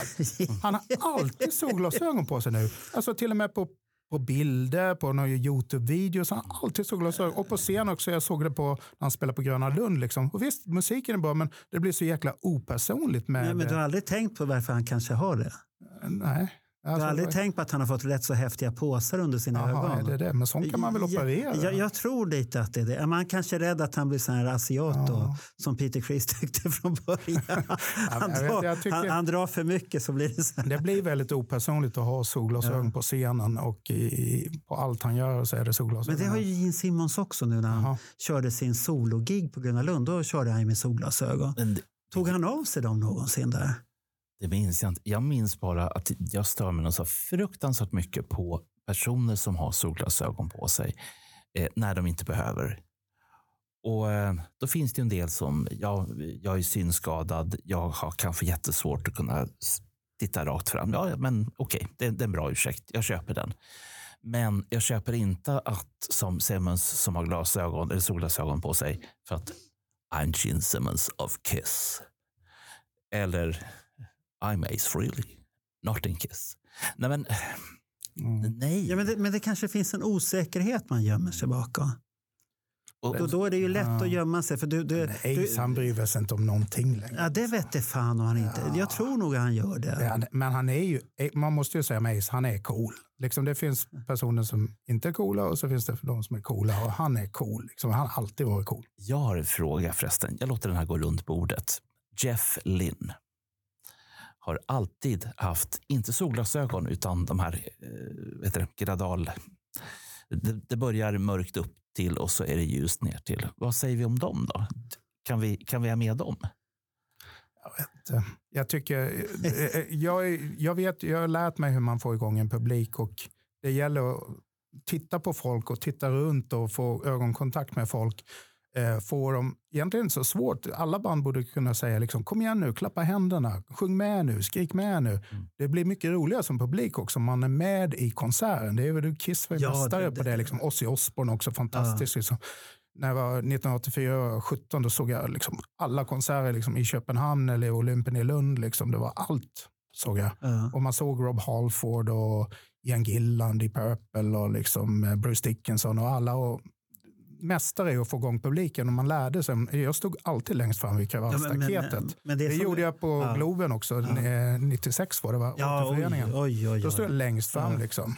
Men, men det är som du säger, du har ju till exempel Rob Halford. Han är ju långt ifrån sitt fornstora jag. Som jag tittar man på de här nostalgivideorna som finns från 82 till 84. De här som är från festivalerna, de spelade i Tyskland, det finns filmat från USA. Det, det, det är ju så himla bra. Han är ju så närvarande. Ja. Och han är ju där, han får, och så kommer gitarristerna. De vet när de ska komma fram där och stå och skaka på sig och ha den här rörelsen. Men De vet ju precis. Och det blir så himla läckert. Ja. Det blir så himla mycket hårdrock. Och det, det känns på en gång som du säger. Har du den där och du bjuder på dig själv så får jag en bättre upplevelse. Ja. Det, det är ju självklart. Publiken ska vara delaktig i Ja. konserten. Då, då vinner man mycket. Liksom. Det är många Ja, band det har, det. har mycket att lära sig. Bara stå och försöka se cool ut, det, det funkar inte. F- Får jag backa lite grann till Olympen? Eh, jag har ju tyvärr aldrig fått vara... Eh, jag har varit i Olympen, men inte när det var Olympen, eh, utan när det var ett gym. Eh, och de som följde med mig hävdade att det var inte samma sak som att vara där när Olympen var Olympen. Men eh, det som de också berättade var den, den känslan som var. Alltså, du var liksom ett med artisten när du var och såg en artist på Olymp- Olympen i Lund, hävdar de i alla fall. Vad säger du som... Det var en bra konsertlokal. Mm, Vi brukar också efter konserten alltid hänga kvar och Ja. försöka få ett foto ihop eller en autograf. Och det var ofta man fick. Den enda som sa nej det var Jake Lee och Osbourne. Han bara no. Liksom. Jaså? okej. Ja, jag vet inte varför. Men eh, och sånt kommer man ju ihåg som fan. Så det har jag tyvärr varit tvungen att göra själv en gång. Jag var sen, lite full och så vi skulle vi var i Grekland, Kalmars stora Gre- Grekland. Ja. Och det var någon stackars fan som hade väntat där. Men bussen skulle verkligen åka. Och jag ville liksom ta någon foto eller skriva men jag fick inte. Det måste på bussen nu. Då känner jag mig precis som då. No. Fast jag sa aldrig no. Jag sa istället I'm sorry. Liksom. Ja. Det, det, finns inte tid. Nej, nej, nej. Det, Men så är det lite galna fans där. Är väldigt trevliga i Grekland. Alltså jag kommer, vi åkte ner första gången vi spelade någon gång 80-talet. Kan det ha varit 88, 89 någonting i Aten då. Och så kom vi och kliva av planet och då är det liksom fans där. Och vi började vända oss om så här och kolla, är det några, är det några kändisar med på planet? Liksom. Men då var det fans till oss. Då. Det, var ju inte vana vid. Liksom. Och de är helt galna du vet, och följde efter en överallt och, liksom, och, och hade mat med sig. Liksom. Jaha, de skulle bjuda på mat också. Ja, och det, så här gyros, det var ju jättegott. Ja. Då råkade jag säga i någon intervju, det, här, ja, det var eh, fans med gyros på flygplatsen. Så när vi kom dit igen sen, då stod det ju massa med gyros. Liksom. Jaha. Jag hade ju mat eh, hela dagen. Så att om jag hade hört det här och kommit med gyros, vad hade du gjort då? Ja, det är, gyros är gott. Ja, Fast det... funkar ju bara med äkta grekiska. så Jaha, där det måste vara äkta ja, De har ju ju här uppe, men det blir aldrig något äkta av det. Mhm. Men och, och det här betyder ju att eh, om, om man drar en parallell mellan dig som artist och Kiss, då vet ju du till stora delar, tror jag, vad de går igenom. För du Ja. kan ju liksom relatera till kändisskapet, du kan relatera till hur det är att stå på scen och jag menar, allt. Ja, men jag- alltså, på en väldigt liten skala. Canamas slog i, och för sig, har slått igenom över hela världen och vi säljer fortfarande skivor över hela världen. Helt otroligt faktiskt. Så skivor som liksom mellan ja, 87 till eh, 91, de skivorna säljer varje, varje halvår kommer det ju sådana här heter royaltyavräkningar. Mm. Och eh, LP och CD, det säljer fortfarande. Och det här, de, de nya kidsen vill ha det. Liksom. Canamas kan åka och spela vad som helst i världen idag och det kommer 5, 6, 700 pers. Liksom. Ja. Och de håller ju på fortfarande med ny sångare och det är helt okej. Ja. Jag ska själv, jag håller på med en egen skiva som trummorna är klara, vi håller på med gitarr. och så. Men jag använder musiker som är väldigt kända och spelar i andra band. Jag kan inte säga vilka det är, men Nej, nej, nej. men eh, det kommer komma en skiva som heter någonting med Messiah i alla fall. Och den är väldigt tung och bra domet. Alltså. Det Det, var- Jaha, okej. bara hålla ögonen öppna efter äh, monstermunken då. Numera gråhårig dock.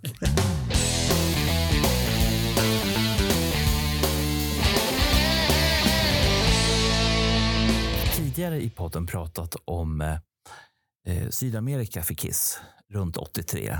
Precis innan de tar av sminket. Den jättepubliken som de hade. Och den här, eh, som jag kan tänka mig som artist, den, den totala upphetsningen som jag ändå borde vara. Är det här någonting du kan relatera till? Den här känslan att stå och spela inför 300 000 pers. Och sen, Ja, men 35 000 har jag provat på. ja, Vi fick spela på, eh, vad heter det? Wackenfestivalen är ju största Ah, hårdrocksfestivalen i. Europa. Och då hade de så här, och det är ju, jag vet inte, jag tror det är 100 000 pers varje dag som går på det där. Men då hade de en öppningsdag, en sån här liksom testdag då.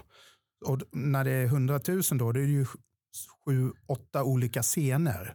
Så att det blir väldigt att folk går och ser på de banden de vill. Men på öppningsdagen, då hade de bara den största scenen öppen och tror Nightwish headlinade och vi fick spela, det var något band före Nightwish, men vi fick spela då eh, när det stod liksom 35 000 och bara titta på en scen. Och det var otroligt häftigt och då fick jag igång mycket av publiken faktiskt. Det var häftigt att se det, för det var videofilmat också. Men den, men den publiken är väl rätt så hängiven där nere också? Ja, ja. Tyskarna, de Ja, gillar sin hårdrock. Det är, Absolut. för det, det är ju en av de mest snabbaste festivaler att sälja, sälja slut. Ja, ja, ja. De släpper biljetterna så är det väl slut efter 15 minuter. Ja, de, släpper, de köper ju bara för att gå. Ja. Det har väl blivit mycket nu att det är alltså det är inte mycket vad det är för band som spelar, det spelar inte så stor roll. Folk gillar att gå på festival. Liksom. Det- Då, då har det blivit som Sweden Rock. Ja. Alltid har Ja. varit att det är, en, det är inte banden som är huvudsaken, det är Ja. festivalen som är Ja, huvudsaken. det är lite tråkigt att det har blivit så. Alltså det, Ja, det, det tycker jag är tråkigt med Sweden Rock, att det har blivit för stort. ja, nu är det för För stort. jag gick ju där i början när de Ja. hade flyttat till eh, Sölvesborg där och 2000, då var jag dit, var, jo det var 2000, då var det med Union. Ja, Då, var, då vi var där första gången och det, det var ju så himla skönt, det kunde vara långt framme, gå till öltältet och så kunde komma tillbaka långt fram. ja, 2013 när Kiss spelade där, det var ju totalt kört. ja. Stod du inte där från början så kom du ingenstans. Det var ju som en mur. Du kom ingenstans överhuvudtaget. Så att det, det enda bonusen var väl att man satt på presskonferensen. Då. Det var Ja. den enda bonusen på den spelningen. Annars eh, var det inte mycket att hänga i musikaliskt där. Men du var ju på 96. ja, det var ju stort. Ja. Jag, videofilmade det där när de kom ut på någon gala. Ja. Det var det Tupac Shakur som presenterade den där klassiska. När de kom ut med smink. Ja. Och det var ju stort för då var de tillbaks. Liksom. Vad kände, Så kände du, jag. Vad Ja. kände du då? då? Ja, det här måste jag vara med på kände jag bara. Så att jag, jag, såg ju, jag stod ju längst fram Ja. på Globen. Liksom. För, för det här var ju en period, om man säger så, för vi pratade om att, jag sa ju det när jag plockade upp det i baren, att jag har ju träffat dig tidigare en gång. Ja. Det var ju på 95, Kiss-expot som Johan Kihlberg gjorde, första Kiss-expot i Sverige där.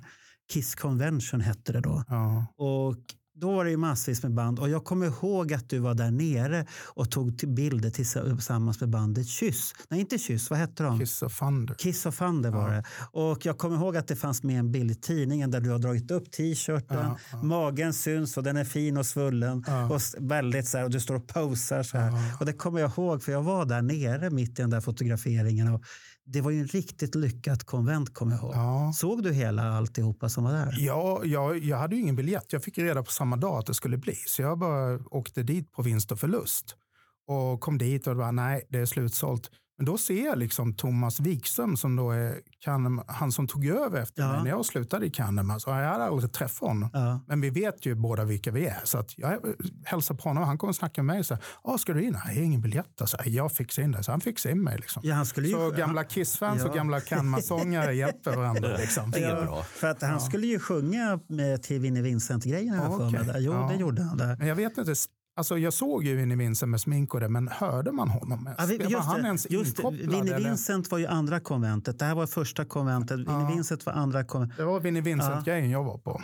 Jo, men du var på första Ja, också. första var jag också. Då, Ja, du var på 95 Ja, och Vinnie. Vincent var på 96. Då var jag med där och letade Kiss-prylar och sådär. Ja, ja då, då, då såg du väl den här fina boken eh, Kiss Story. Ja, ja den, den köpte jag. Jag kommer ihåg att jag var, hade väldigt dåligt med pengar just då. Jag, jag sa till min farsa, jag måste ha den där boken, kan du låna mig? Alltså, jag kommer betala tillbaka. Så att det, den, den boken som var där, den, den, då fick man ju se premiärbläddra i den. Ja, ja. Och det var ju Tony Rosenholm Ah. som var med i vår- en av poddarna.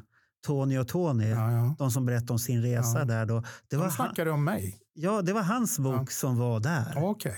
Och han bläddrade. Visste inte jag att det var hans bok. Jag åkte, jag såg Globen och sen ner till Göteborg och sen, det var tåg då, tåg Ja. till Oslo. Och då hörde jag någon som pratade svenska. Ja, Och då ja, får jag sitta med, jag är svensk liksom. Ja, vem är du? Ja, jag sjunger Kahnemans. ja. Och så började vi snacka liksom. Kiss. Var det Tony och Tony? Ja, ja. Tony De berättade det i er podd. Ja, just Det var en det. Kahneman-sångare som kom och så satte sig med oss. Ja, en Candlemass-sångare, inte vilken. Nej, precis. Utan någon. Ja.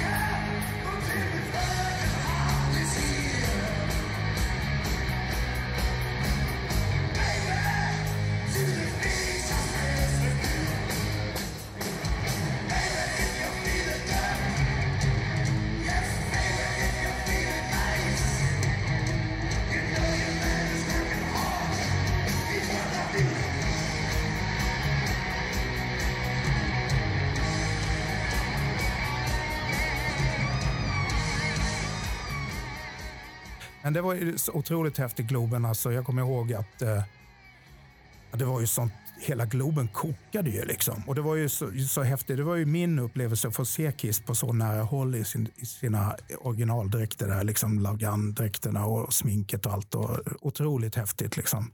Och sen, och sen eh, jag kommer ihåg det var sånt drag och när de skulle spela eh, liksom, rock'n'roll all night. Oh, yeah.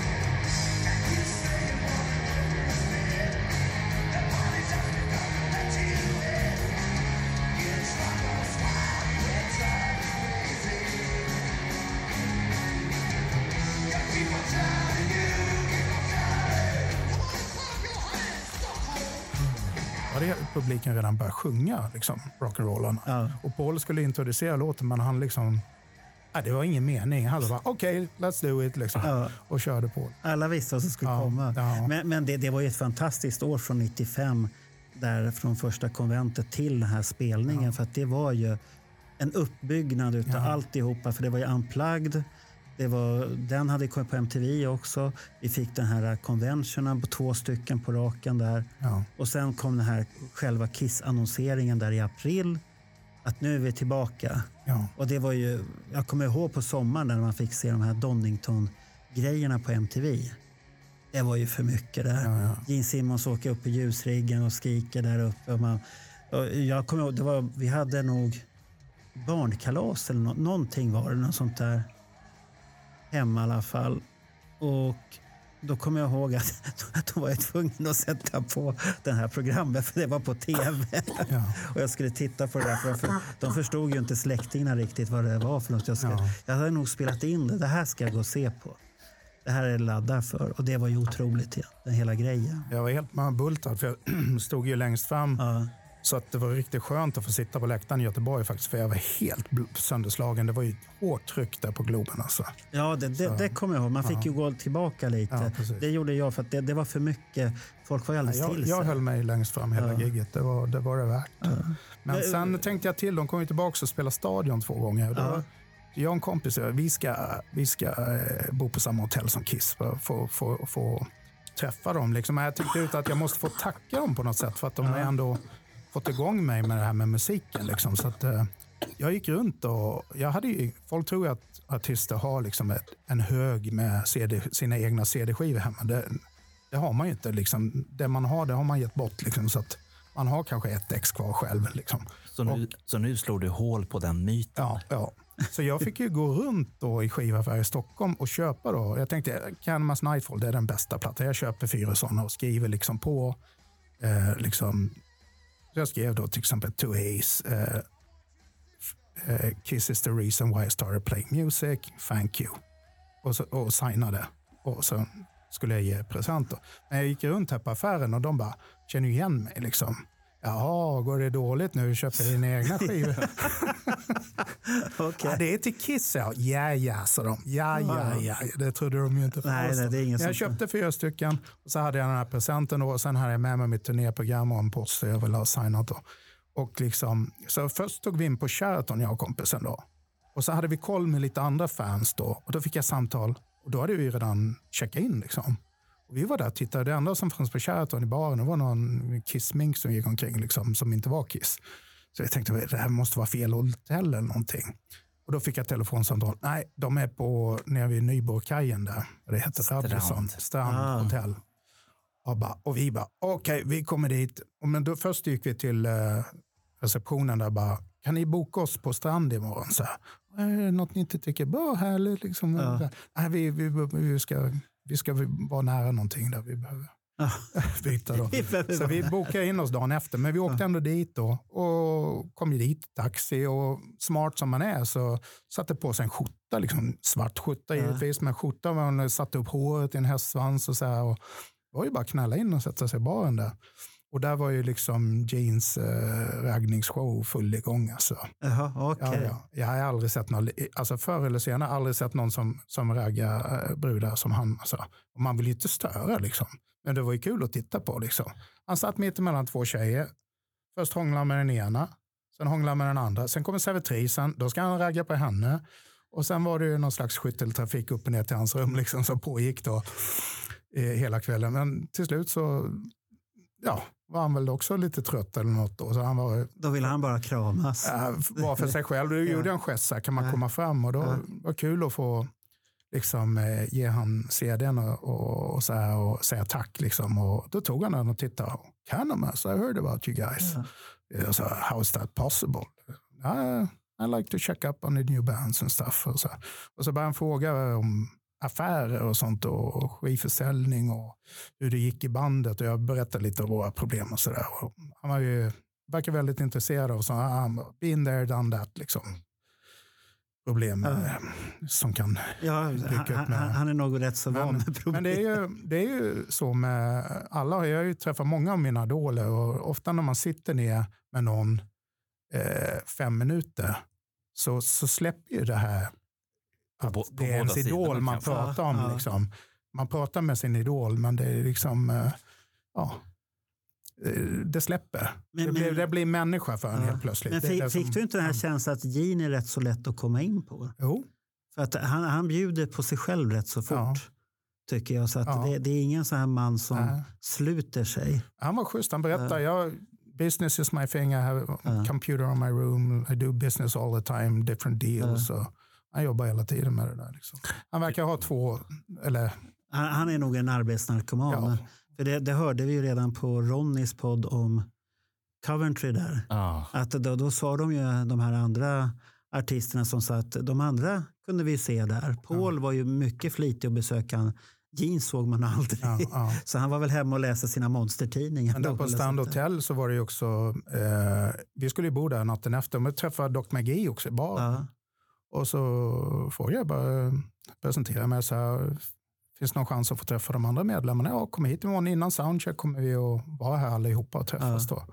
Så då var vi där, liksom, turnéprogrammet redo och mina CD-skivor redo att ge till de andra då.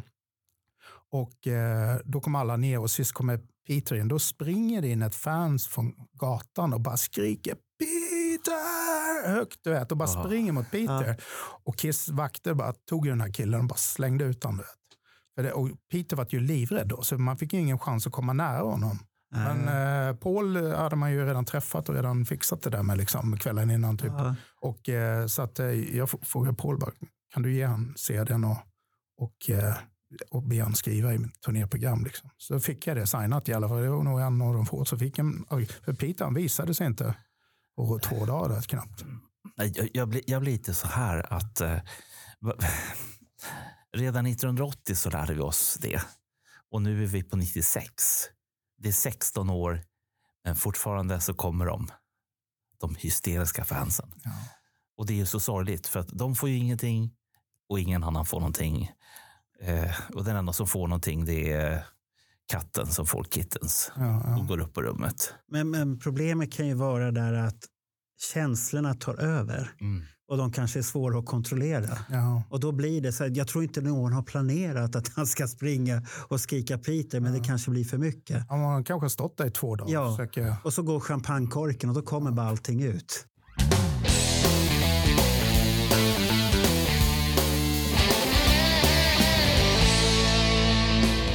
Och Leif Edling då, som skriver låtarna i Canvas, vi skulle på t- sån här pressturné själva i London, eh, skivbolaget där.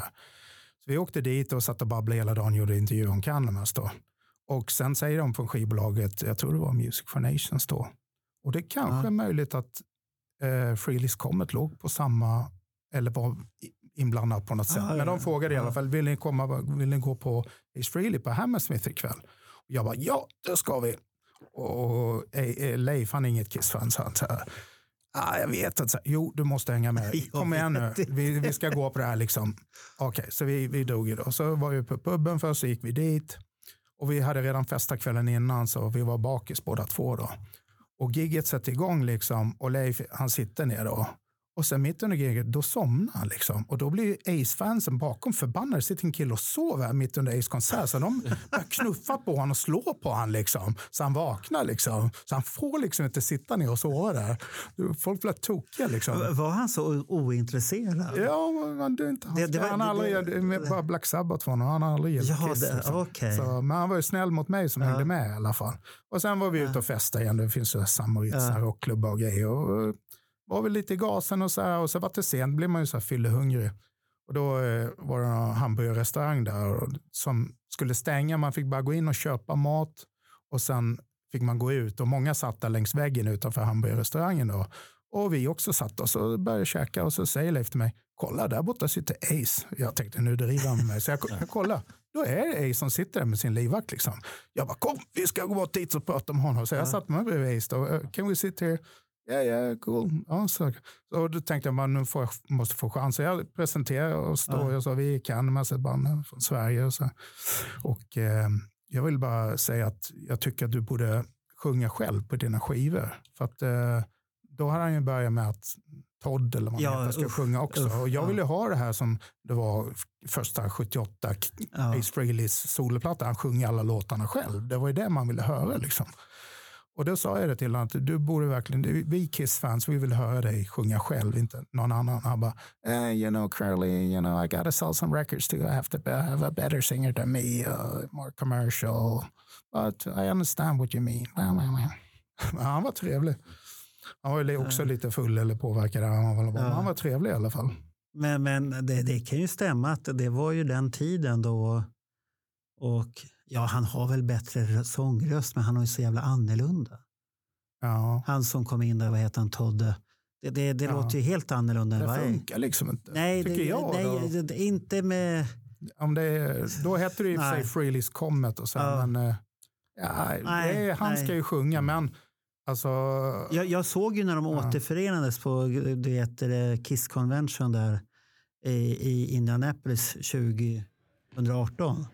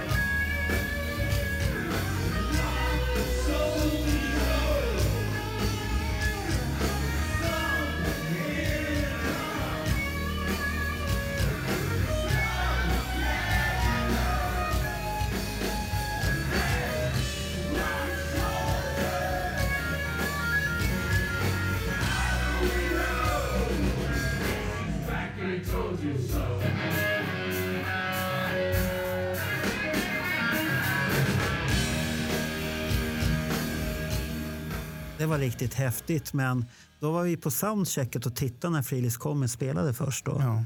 Och då gick ju det här snacket att Ace kanske kommer upp. Det, det var ju redan förbestämt, fick vi höra sen. För att Johnny kände han som gjorde lju- ljudet till dem. Då, då. Och eh, så sa jag, jo men han, han ska upp och gästa där. Okej, så det visste vi redan. Men snacket gick ju runt på det här stället där.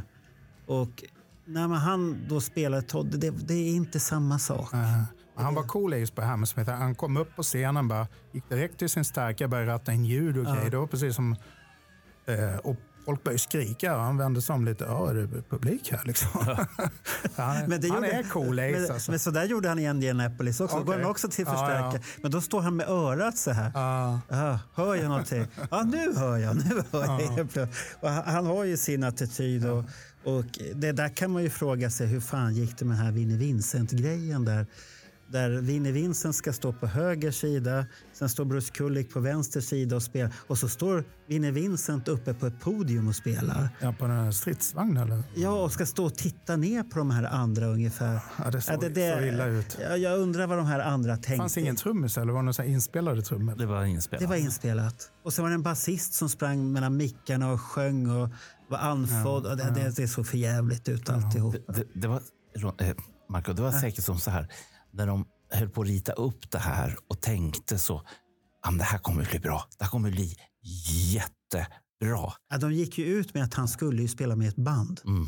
Men sen omförhandlades kontraktet Då, en timme innan. Nej, det ska inte göra. Det ska göras så här. Ja. Punkt slut. Och jag vet inte vad han... Han shreddade väl lite där och det lät för jävligt tycker jag i alla fall.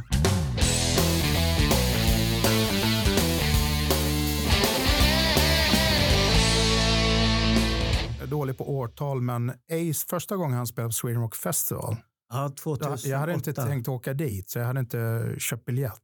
Och så var jag på jobbet och så sa en kompis, eh, Martin Los Kristensson på jobbet, då, jag ska spela på Sweden Rock. Jag, då fick jag så här kissfeber, du vet. Det bara, och jag har ingen biljett. Och nu släpps det att Ace ska spela. Och jag kände så här att jag blev liksom illamående. Jag fick ångest att liksom, jag kommer att missa det här. Och jag bara kände att Eh, jag gick till chefen och sa eh, jag mår dåligt. Ja, vad, vad är problemet? Ja, men jag, eh, de släpper biljetter nu till Sweden Rock och, och jag har ingen biljett och Ace Frehley ska spela liksom, och jag kommer missa det här. Så jag, jag, jag mår fysiskt dåligt. Antingen får du hjälpa mig att köpa en biljett eller så liksom eh, får jag gå hem och, och försöka köpa en biljett. Liksom. Han bara, ja, ja, jag hjälper dig. Så han, chefen hjälpte mig att köpa en biljett. och sen mådde jag mycket bättre när jag fått min biljett. Jaha. Så, då, Då tack- kunde du jobba ja, igen. Ja, alltså, jag var jätteglad. Ja, ja, okej. Men då på Sweden Rock där, då stod jag också långt fram och det lät ju bra för då hade de liksom mixat Ace röst rätt volym och med reverb då, så här eko, så det funkar ju. Men sen gick jag ett år senare och såg på Debase Medias och där hade först var det ju väldigt försenat. Ja, det kommer jag ihåg. Det, jag vet inte, han Det hade ett- somnat i bussen och så var det någon meet and greet. Jag vet Ja. inte, det var en och en halv timme sent. Ja, det, det, ryktet var Ja. att han hade s- Sen kom han sovit. upp på scenen och det var ju precis som han sov fortfarande. Han kunde inte låtarna. Han bara what's happening? Ja. Och trummisen fick sjunga liksom och visa hur låtarna gick. Och, men de hade ju hans sångvolym jättehögt på Debaser Medias. Ja. Och, det, och, det, och det var inte mycket reverb heller. Det lät så illa. Jag stod där och skämdes liksom. Ja, men det, ja, det, det kanske man kan göra. Ja, men jag, som sångare liksom, Ja, ja, det, det lät inte bra. Alltså. Men, två, eh, men 2008-spelningen var ju bra. vad var den för någonstans? Det, det är den som var på Svin Rock. Det, var det andra gången då? Eller? Nej, det var första gången 2008. Ja, ja, det, var bra. Och det var ju riktigt bra. Jag tror han har spelat en gång till som Sweden Rock. Ja, det vet jag faktiskt Nej. Nej, det, tror, nej det, det vågar inte jag svara Ja, på. ja, men, det, men 2008 när han var där, var- eh, tänkte du på att Ace var ju jävligt glad på hela gigget där? För det var ju fruktansvärt mycket folk Ja, som var där och tittade. precis. Alla hade ju samlats för Ja. ryktet gick att det är ju Ja. Ace från Kiss och det var ju Ja. massvis med folk så jag tror han hade en hard on när han gick upp på scen där var och, och, var, riktigt, och var riktigt lycklig under hela jävla gigget. Ja. Han hade nog ståpäls där och gick där. Bara, så man såg ju på han, han bara log och Ja. Kastade plektrum och det var en helt annat. På Medis där på Debaser, Ja. det, det, var, det var en hel, det var misslyckat hela. Jag kommer inte ihåg om han hade solglasögon på sig då. Men det hade han definitivt på Gröna Lund sen. Ja, det hade han ju på Ja. Gröna Lund, för det har jag bilder Ja, på ja. rätt så mycket där. Men Gröna Lund-spelningen var väl bra, kan man tycka. Men det var ju fortfarande på Scarlett, när Ri- Richie Scarlett var med och där. Och jag har ju fått höra i efterhand att det, han hade ju träffat Gud, men de andra hade absolut inte träffat Gud i bandet. Okej. De var på ett helt annan nivå på det. Och det kan ju inte vara lätt för någon som har, ska ta avstånd det där. Och resten av bandet är ju så på och drogade så att det bara Ja. pudrar, vif, viftar om det. Det kan inte vara lätt för en sån person då att vara med där. Nej, nej. Det, det kan bli lite konstigt, kanske därför han var sen också och sovit och de glömde bort honom i Ja, bussen. Där. Jag vet. Så att det, det, det kan det vara. Jag har ju påstått i alla fall de sista ett och ett halvt åren att eh, Ace Frehley har förvandlats, eller hans band snarare har förvandlats. Det är ett gäng med snubbar som spelar, men det finns liksom ingen känsla, det finns ingen inlevelse, utan de bara de går upp på en scen och så lirar de. Ja, personligen tror jag att Gene har sagt någonting, för det är ju Jeans ba- bandmedlemmar som han hade, som Ace har i sitt band. Ja, jag har hört det. Och jag tror att Gene hade nog haft ett prat med Ace om det där. Det där Du kan inte ha de här personerna, du, du när du ändå själv har tagit steget bort från allt det där, du kan inte hänga för att han kopplade ju bort allihopa de där, Richie Scarlett och Ja, ja. de som spelade där, alla bort på en gång. Ja. Så att det, det, enda, det enda roliga var från 2008, eller den här uh, Gröna Lund-spelningen, att jag gjorde turnétröjorna till Ace. Ja, okej. Det är på mitt CV. Det är lite häftigt ändå Ja, att man häftigt. har det. Gene på Gröna Lund var också bra, men, men det här med att, att ta upp massa fans på scenen som ska sjunga och flamsa och den här killen ska spela trummor, det var helt onödigt. Det, det, det tog bort viktig tid, Ja. det håller jag med om. Jag såg att du skrev det i din text, Ja, att du var ja. besviken. Ja, men det kändes. Men det var ändå coolt. Han körde många obskyra låtar. Men du var inte på Volten där innan? Nej. Nej, för där vart jag bjuden utav Niklas som Ja. man kunde ta med ändå. Och det var en upplevelse, men jag vet det forskott för att volten i sig själv, nej. De här 25 papp vette fan. Det, det, den enda som jag kan vara avundsjuk som har fått den häftigaste voltupplevelsen egentligen. Han fick ju inte uppleva konserten, den här unplugged-spelningen och sånt här. Men han fick ju sitta och fika i ett hotellrum någonstans i USA. Johan Flygare då. Han berättade om det. Det, det var hans volt som åkte fram och tillbaka här och Ja, han fick ju inte med sig den. Och, eh, och Jeans mamma dog precis när han skulle komma dit och ja. uppleva hela volten. Och så fick de ju ett eget bemötande där och sitta och fika. De har satt väl där ett antal timmar och pratade om allt möjligt samtidigt som de satt och åt lite småkakor. Ja, Och det, trevligt. och, det, det, och det kan jag tänka mig är ett häftigt möte. För då sitter du ju där på ett helt annat sätt. Ja, Och du får träffa. Så att jag tror han tog vinstlotten på den där. ja. Fast det kanske inte kändes så när det hände första gången. Småkakor och Gene Simmons, Bryssel 1983. Jag säger inte mer än så.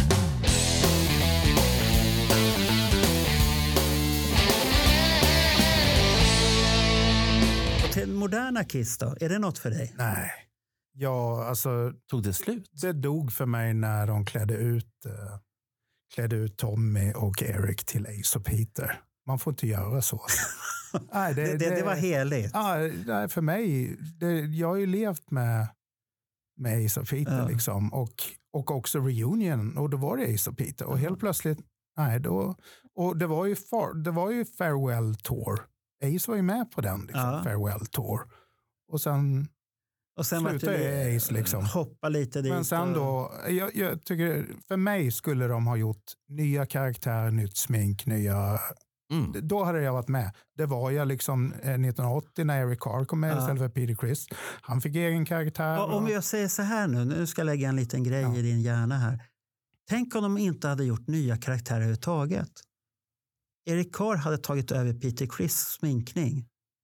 Jag trodde vi hade accepterat det på ett helt Ah, annat jag sätt. Jo, på det. jag tror det.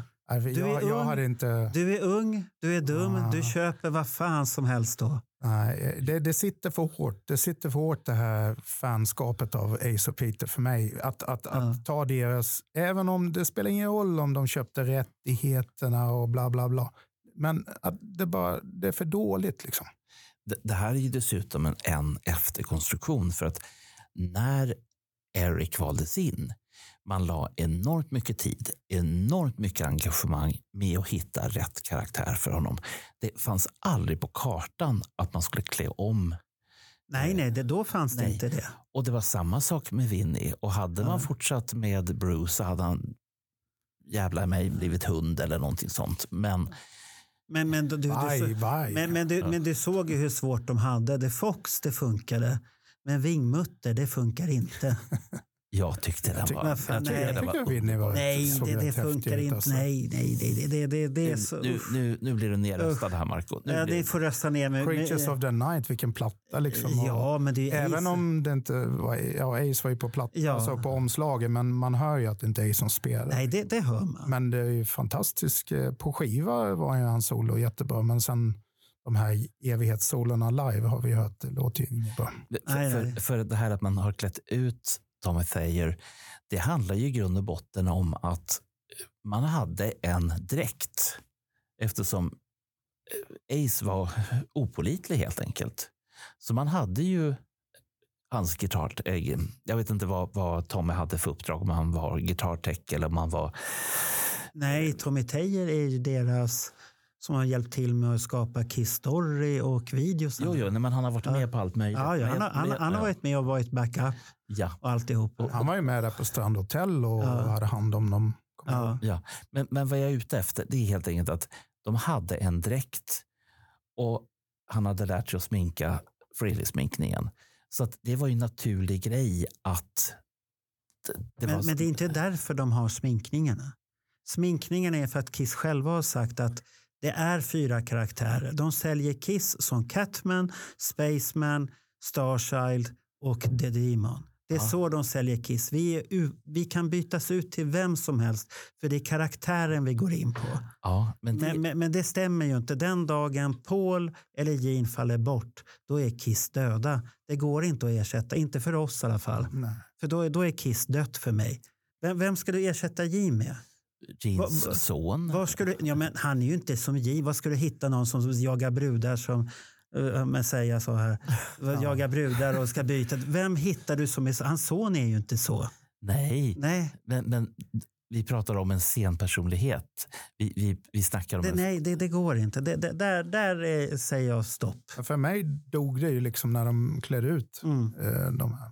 Alltså Ja. Tommy Thayer sminkad som Kiss och, ska låta som honom när han lirar solo också. Det, det funkar liksom inte för mig. Sen respekterar jag andras åsikter, folk som gillar det här, Kiss-fans. Och det är kul om jag försöker sätta mig in i andras skor då.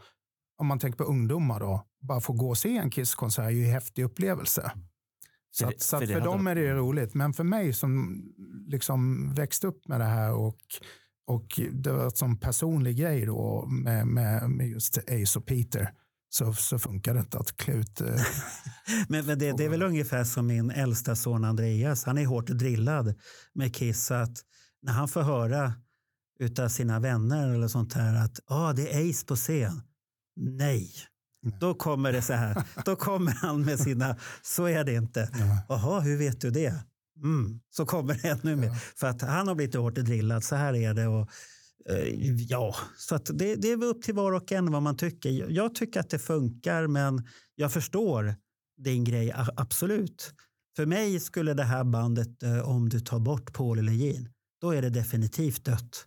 Ja, men, det, man, det går inte att väcka upp någonting. För det, det har gått att ersätta, vi har accepterat och de har fått harva rätt så länge för att bli Det var väl först på den här End of the Road-turnén som Tommy Tejer har blivit accepterad om vi ska vara ärliga. du har ju en grej som är intressant och det är ju att både, eh, framförallt Gene har ju sagt att eh, det kanske är som så att Kiss fortsätter. Eh, samma sminkningar men med andra personer. Ja, men då är det för nästa generation, inte för mig. Okej, så man kan byta ut Ace och Peter så att de blir Spaceman Ja. och Men det är för att det finns två kvar ja, Men börjar du ta bort, och tar du bort Paul och Gene, vad finns det kvar? Det finns inget Kiss kvar då. Då är det Kiss version 2.0. Det är som du byter ett operativsystem i datorn. Det gamla är borta och nu är det en ny upplevelse. Det går inte. Det går inte. får göra sådana här hologram som ABBA har gjort Det, det skulle på funka. Madison Square Garden. Då. Och då vill jag önska 74. eller 75. Så att de Hotter, alla, Hotter than det är ju en cool Hell-turnén. idé om man tänker Ja. efter. De kunde göra de här 74, Ja. 75, 76. Ja, då är jag bokad på alla de här. Ja, ja. Till och med skulle jag vilja uppleva Dynasty-turnén. Fast tydligen är det mycket jobb med det och eh, Ja, det- ABBA, det- ABBA har gjort det här nu. Jag skulle vilja Ja. se det där med ABBA faktiskt. Ja, det, det, det, jag tycker det är en häftig idé. Ja. Och det är, det är något för framtiden och det kommer nog bli mer så. Ludvig, Ludvig som är Bennys son, han, eh, han har nog kanske några uppdrag. För det kanske finns flera band som vill kunna göra det här. Queen är väl på halmstrået där också. För de kör ju nästan liknande med Freddie Mercury som kommer upp med sån här projektion. Och de kör det på OS. Mm. Det här det är ju, han skriker till publiken och det, publiken gick ju igång på en gång. Ja, ja. De vet att han inte är där men känslan finns ju där. Ja. Och du väcker ju en känsla i dig själv och då blir du alldeles till det. Och du kan ju tänka dig alla vi här få Kiss-avatarer från 74, Hotter than Hell-turné. Då står Bernt längst fram och diggar. jag också.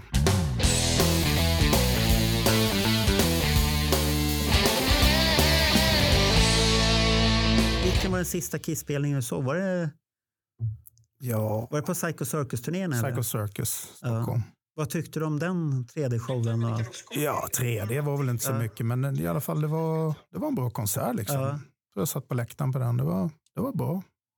Du, var- var du på Globen då eller? Ja, ja. Ja. Så Hade du öronproppar eller körde du öronproppar? nej, nej. För att jag, jag körde öronproppar och tyckte att fan vad lam publiken är. Så tog jag ut öronpropp. Det var ett jävla liv där inne. Så in med en 41. Fan, det var ett Ja. jävla... För jag tyckte så här, jaha vad fan det var ingen reaktion här nu. Ja. Så det, det var en jävla liv där inne ändå. Och ändå spelade de ju, var det två kvällar? Ja, två kvällar var det. Sen var det två kvällar i Göteborg. Ja.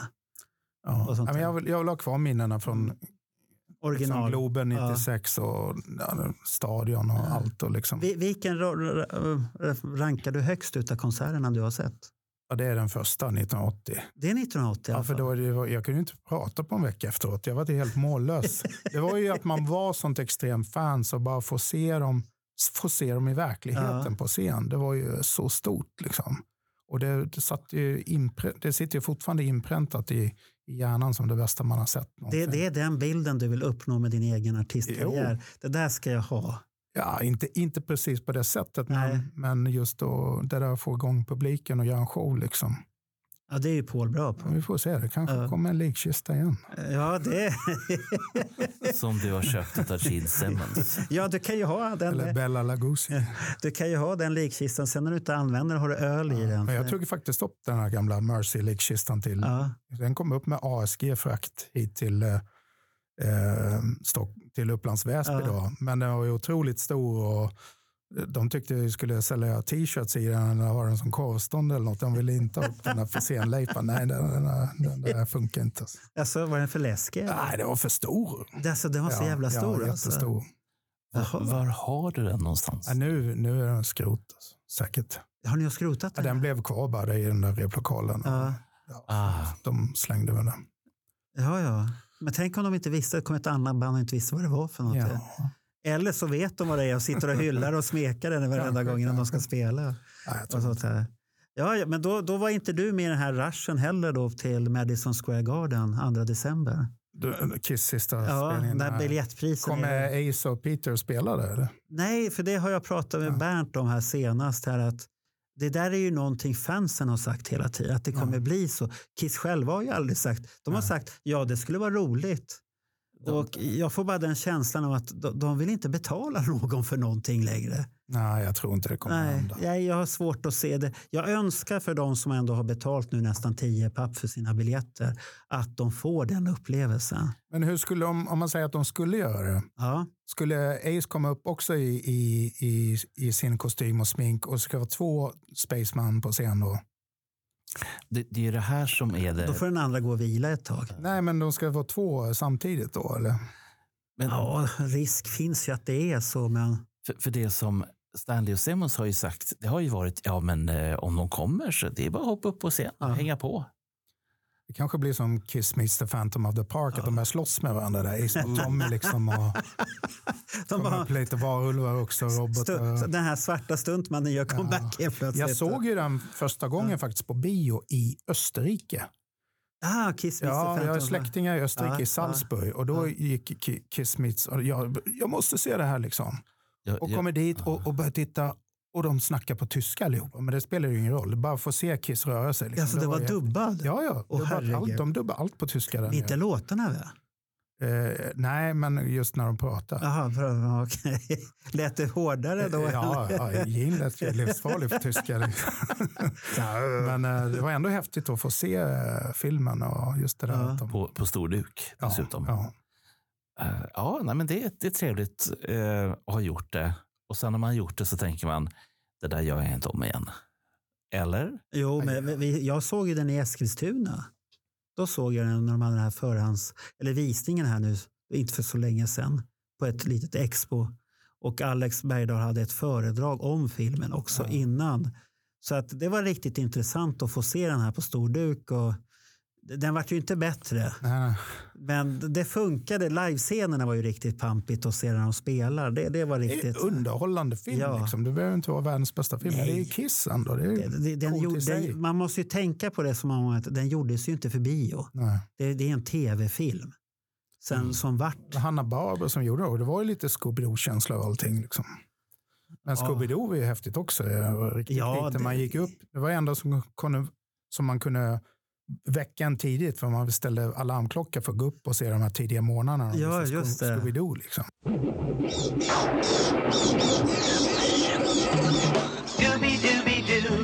Where are you? We got some work to do now.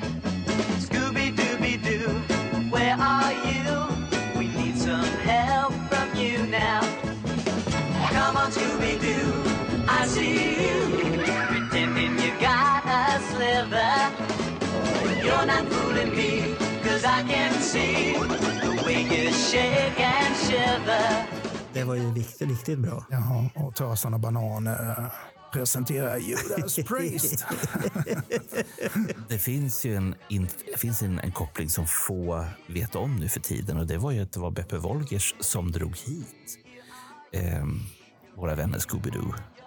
Han, hade ju ett, han var den första som hade julprogram under juldagarna. Det var 70. Och jag som var nio då, jag var i helt rätt ålder för Scooby-Doo. Och det är original Scooby-Doo från Ja. eh, ja, den tiden också. Scooby-Doo, where are you? Ja. den? Scooby-Dooby-Doo. Jag har dem på DVD. Where are you? Menar du att det var Beppe Wolgers som... Jajamän. Jaha. Och det fanns annat också i, i, i det här fataburet. Man höll ju på en, en timme varje gång. Och eh, framför allt, och nu, nu går man fram i, tiden då, och det var, jag tror det var 73, den Bondfilmen som var då. Är inte det Live and Let Die? Precis, jag, jag letade efter titeln här. Och eh, då har man med en av biljakterna, den här när eh, bilen slår en volt och så ligger det en sån här eh, kult ljud på. Den hade man med också det året. Jaha. Så jag var ju skadligt upphetsad och ville se Bondfilmer till höger och vänster. Men på den tiden så fick man ju glömma det. Jag var ju, Ja. vad var jag då? Så här 73, 12. Ja, det var början på året. 11 måste jag ha varit. Det fanns inga 11-årsfilmer utav, Nej, nej. ut, utav värde då. Herregud. Då får man se mycket våld som helst från, från 11 år om man vill. Men, eh, men just Scooby-Doo och sen Leva, Lotta, dö som man fick se. Det var Ja. Det var inte mycket i Sverige man fick se när man var nej, nej. liten. Liksom. Så man var ju tacksam att få se något som Scooby-Doo. Liksom. Ja, man sög ju åt sig. Man var Jag kommer ihåg att jag var liten också. Jag åkte med på någon mina pappas affärsresor. Liksom. Man- Det första man gjorde på morgonen var att slå på tvn, titta på tecknat och käka monsterflingor. Liksom. Det var liksom... extra mycket socker. Ja, ja, ja. Och också i Italien är ju släktingar och kom dit och då fick gå med min, eh, mina kusiner och eh, deras far då och se liksom Bruce Lee, James Bond. Trots att man var liten, hade man en vuxen med sig, då fick- man gå in. Men var liksom. inte, tv var väl kommersiellt där redan? Jo, men man vill ju tidigt, se de här ja. häftiga filmerna. Så Ja. Allt var ju dubbat på italienska, men ändå häftigt att se Ja, James det kan, Bond och det, Bruce det Lee. kan liksom. låta häftigt ändå. Ja.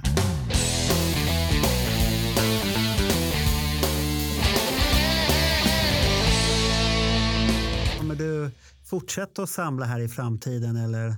Jag har ju det jag har. Liksom. Du är nöjd? Jag är nöjd med mina gamla planscher. Liksom. Och jag kan ju inte göra mig av med någonting. Jag har ju allt, allt möjligt. Liksom. Jag har sparat allt som jag har. Liksom. Och jag kommer söka rama in en del planscher som jag känner extra varmt för. och sånt. Ser du fram emot de här eh, som man påstår nu lite att nu när Kiss lägger av så kanske det blir mer soloprojekt från Paul och Jean. Ja, det kan Ser du kul. fram emot då, då? Du var ju på Jean på Grönan Ja. och det var ju bra. ja, det var bra. Ja, det skulle vara häftigt att se Paul på en liknande grej egentligen. Ja. Där han kan dra med sitt material från... Men har, har han någon röst kvar nu längre? Eller? Ja, det är ju det som är problemet där. Det sägs ju att hans Soul Station-låtar de är ju gjorda för den rösten som man har nu. Ja. Så att, Ja. eh, Men då är hans egna låtar bättre än de här uh, coversen han gör många gånger. mm, så kanske det är. Ja. Men, men då har du ju ett val. Antingen så får du ha gammal sång till Kiss-låtar eller hans eh, vad ska man säga, Mm. gamla soloalbum. Eller så får du nöja dig med Soul Station. Ja, då väljer jag Soul Han, Station. han, han, han kanske får dra ner, han behöver inte skrika så högt då. Han får dra ner lite. Ja. Han är gammal. Men jag, jag, jag, jag tror inte det kommer bli att Paul åker ut i världen och turnerar. Det, det känns inte. Paul känns lite för bekväm med sin pizzaugn och allt där hemma och tomatsåser och allt han gör. Gene däremot, han kommer vi se i Europa. Det, det, det, det känns bara att han kommer åka iväg. Han kan inte sitta där.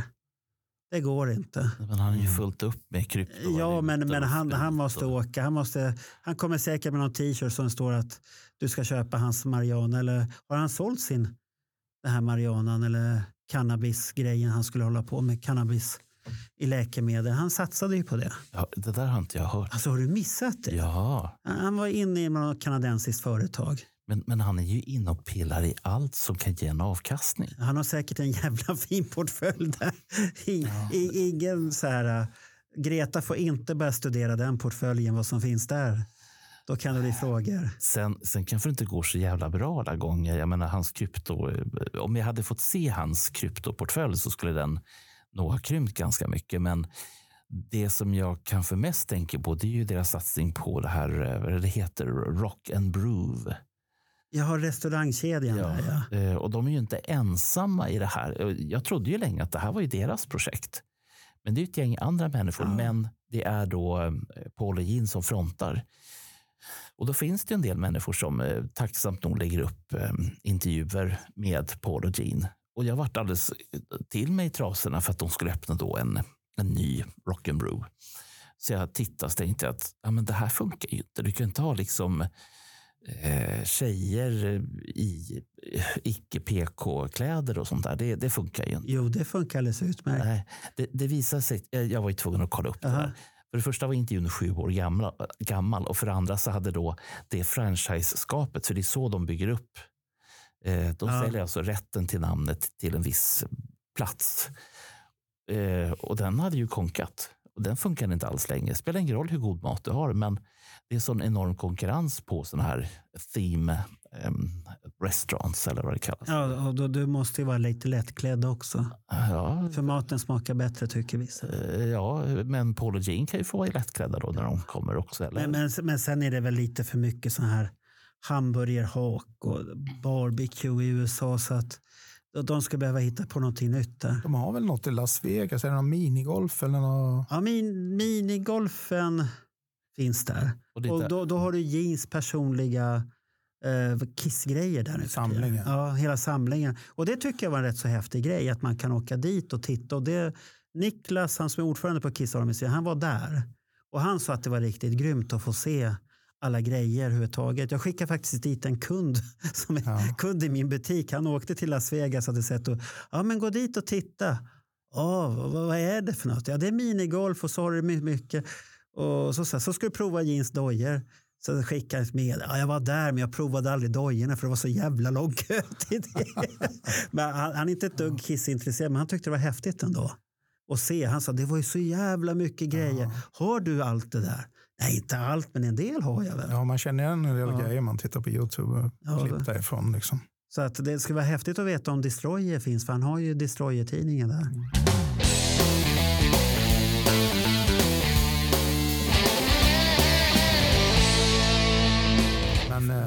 jag har ju faktiskt eh, på, träffat Billa Coin på hans kontor innan The Elder. Ja, Och eh, Det var så att eh, i och med en- min farsa affärsman och eh, min styvmor var hans sekreterare då, så hela den här business eh, för att få till det här. Men det var eh, på uppdrag av Kiss Army Sweden, men jag kommer inte ihåg vem det var som eh, men jag var ju rätt ung då, vad kan det ha varit? Innan Elder släpptes, för- vad pratar vi om för år då? Eh, 81 kom den, så att 80 då i året 80, igen. 80, 81 där. Ja, 81, Ja. ja. då var väl 14 eller någonting. Ja. Liksom. Och eh, hon fixade till och så jag fick komma upp då och jag kommer ihåg kom upp på kontoret där och de hade de här, på kontoret fanns de här Mario, m- m- vad heter det, marionettdockorna. De här stora Mm. som är med Ja, på posterplanscherna. Ja. De hade han på sitt kontor där.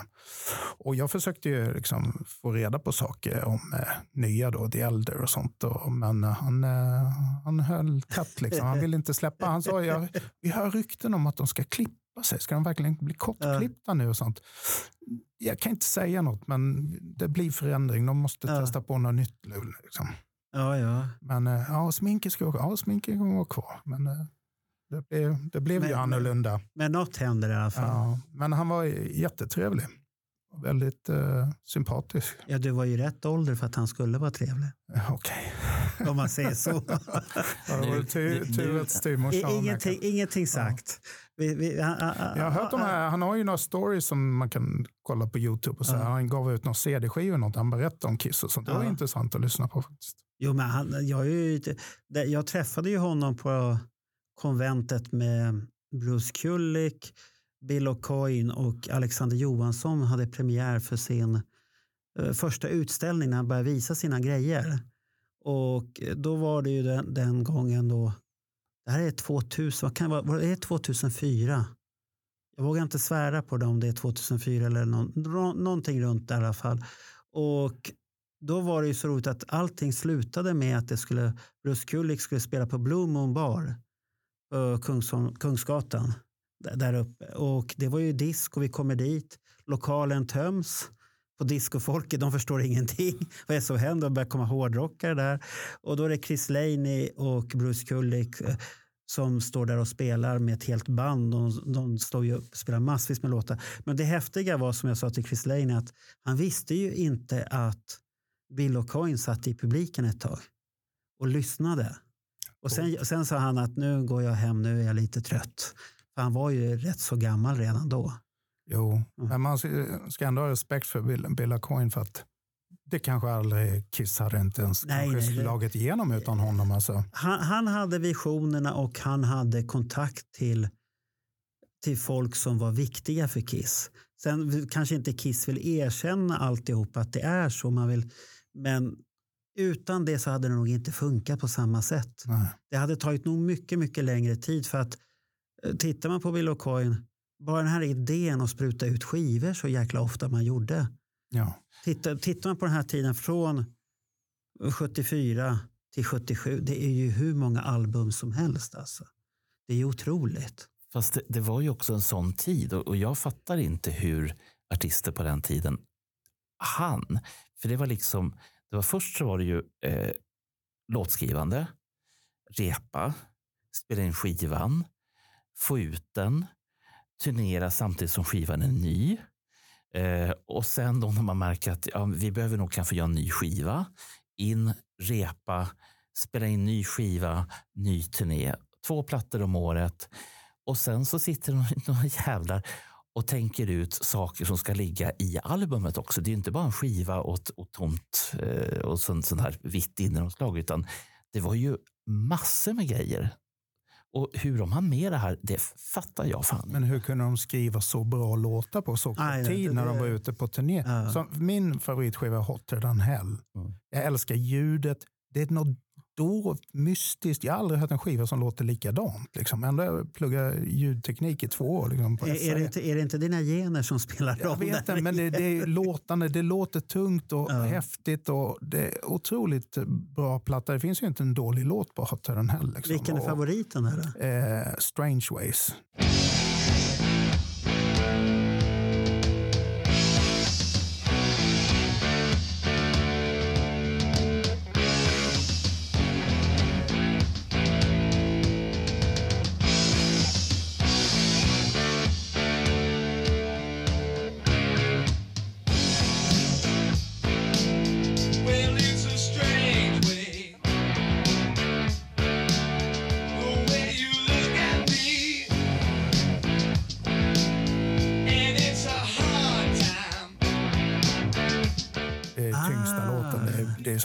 Ace-solon också. De är så magiska. Så bra solon.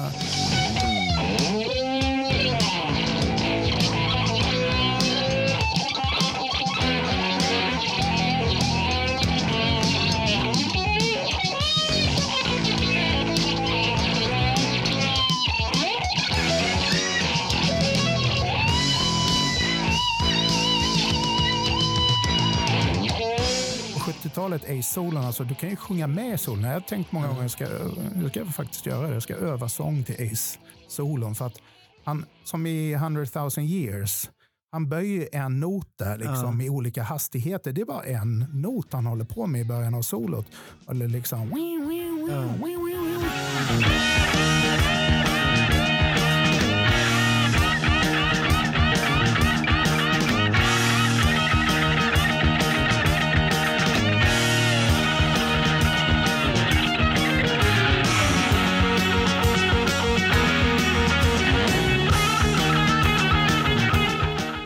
otroligt. Vilken, och han körde ju aldrig med någon så här eh, svajarm eller vad heter det? Liksom. Nej, det är inte riktigt hans Nej, utan han kör ju med fingrarna bara. Men just solen också.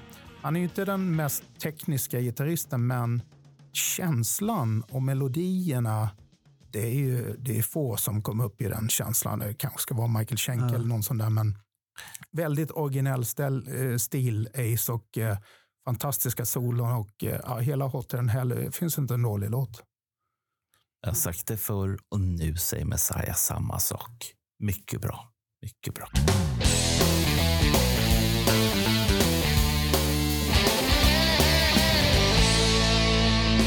Sista sidan på Live 2 är underskattad också. Ja, det där. Oj, låtar. oj, All oj. American Man. Och... Jaha, du gillar den också? Ja, jag tycker det är skitbra. det, det är en av mina favoritlåtar för det är så mycket Kiss i den låten tycker Men jag. de spelar ju aldrig dem sen. Nej. Med, inte med original-Kiss i alla fall. Sen Nej. kanske de gjort det på Kiss Cruise och sånt där. Men det, På Chris Cruise har de nog spelat någon låt. Bruce Kulick har ju dammat av dem med sin bror och det var en riktigt häftig upplevelse när man såg Bob Kulick och han spela de här låtarna. Och han var ju alldeles till sig, Bob Kulick. När han, jag stod ju precis framför honom på, på Indianapolis när de spelade det. För det, var, det, var, det var en riktigt bra Kiss-convention för alla Kiss-gubbar var där förutom Kiss själva.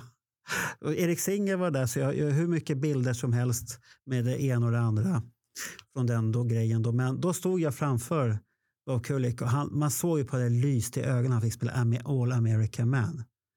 Han, han, man såg ju på lyckan den här, och den är så jävla bra.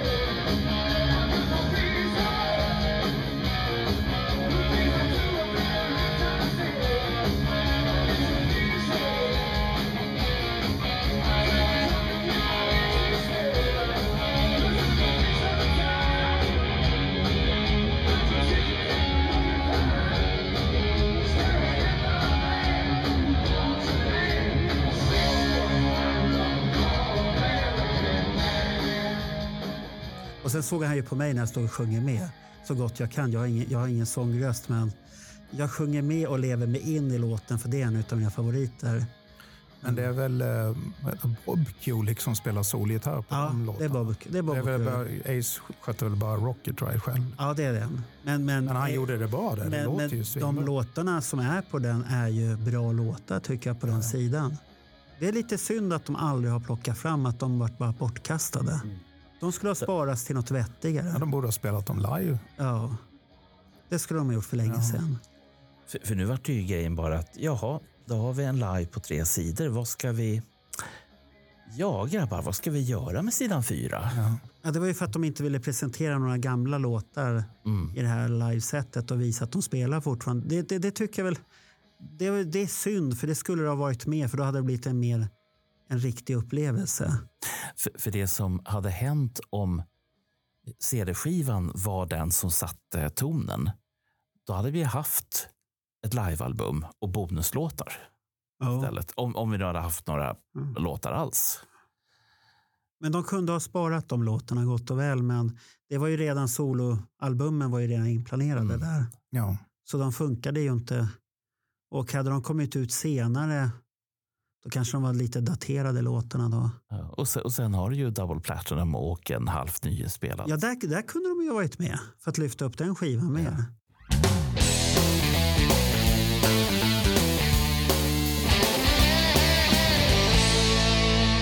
Du har ju inte tagit Paul Stanleys sångstil i alla fall. Det har du inte gjort. Det blev nog rätt naturligt i början där med Ja. sounds. Att man, Vi började ju med, med Kiss-låtar. Ja. Liksom. Det var ju mest eh, Paul som sjöng. Så att det vart väl lite åt det hållet i början i alla fall. Men vart det med Gene sen eller? Nej, min stora idol är Ian Gillan. Alltså jag kan inte, men jag, Ah. jag har liksom, eh, det finns en, och min, en av mina absoluta favoritskivor är faktiskt den Black Sabbath-skiva som heter Born Again, som Ian Gillan sjunger på. Okej. Den är fantastisk faktiskt. Jättetung och jättebra och så världens bästa sångare med världens näst bästa banda. Ja, den, är, den, är lite underska, den är lite underskattad den skivan, det kan jag hålla med om. Riktigt bra faktiskt. Det, det Och, kanske är för att skivomslaget inte var den snyggaste när den kom. Eller? perfekt sångare, men jag Ja. såg ju redan Gillan med eh, Perfect Strangers då. tror det var 84, live i Lund. Var det inte 85? Eller var det 84? Eller var det 85? Ja, ja, nå- någon men gång det var 80-talet. återföreningen då. Ja, med 80. Deep Purple i alla fall. Och den skivan är också en underskattad skiva. Ja, verkligen. som Jättebra. många glömmer bort. Jättebra. Ja. Men om vi tar några kiss vilka album tycker du att man ska ha i Kiss-katalogen? Alla gamla. Alla gamla? Ja. Fra, fram tills... Eh, skiftet. Men jag tycker också eh, Unmasked är ju riktigt bra. Alltså. Ja, men det är ju en gammal. Ja, den är gammal. Men Den tillhör ju första ja, Jag perioden. tycker Dynasty är bra. Tyckte du- Speciellt Ace hårda låtar. Ja, de är ju hårda. Ja. Jag säger inte emot, men hur var det nu, Marco? Nej, jag, jag säger ingenting. Jag, Hard jag, times. jag, jag är tyst där när det Ja. gäller Dynasty. Det, det var väl, ja. Dirty Living, Ja. Peter Criss. Bra grejer.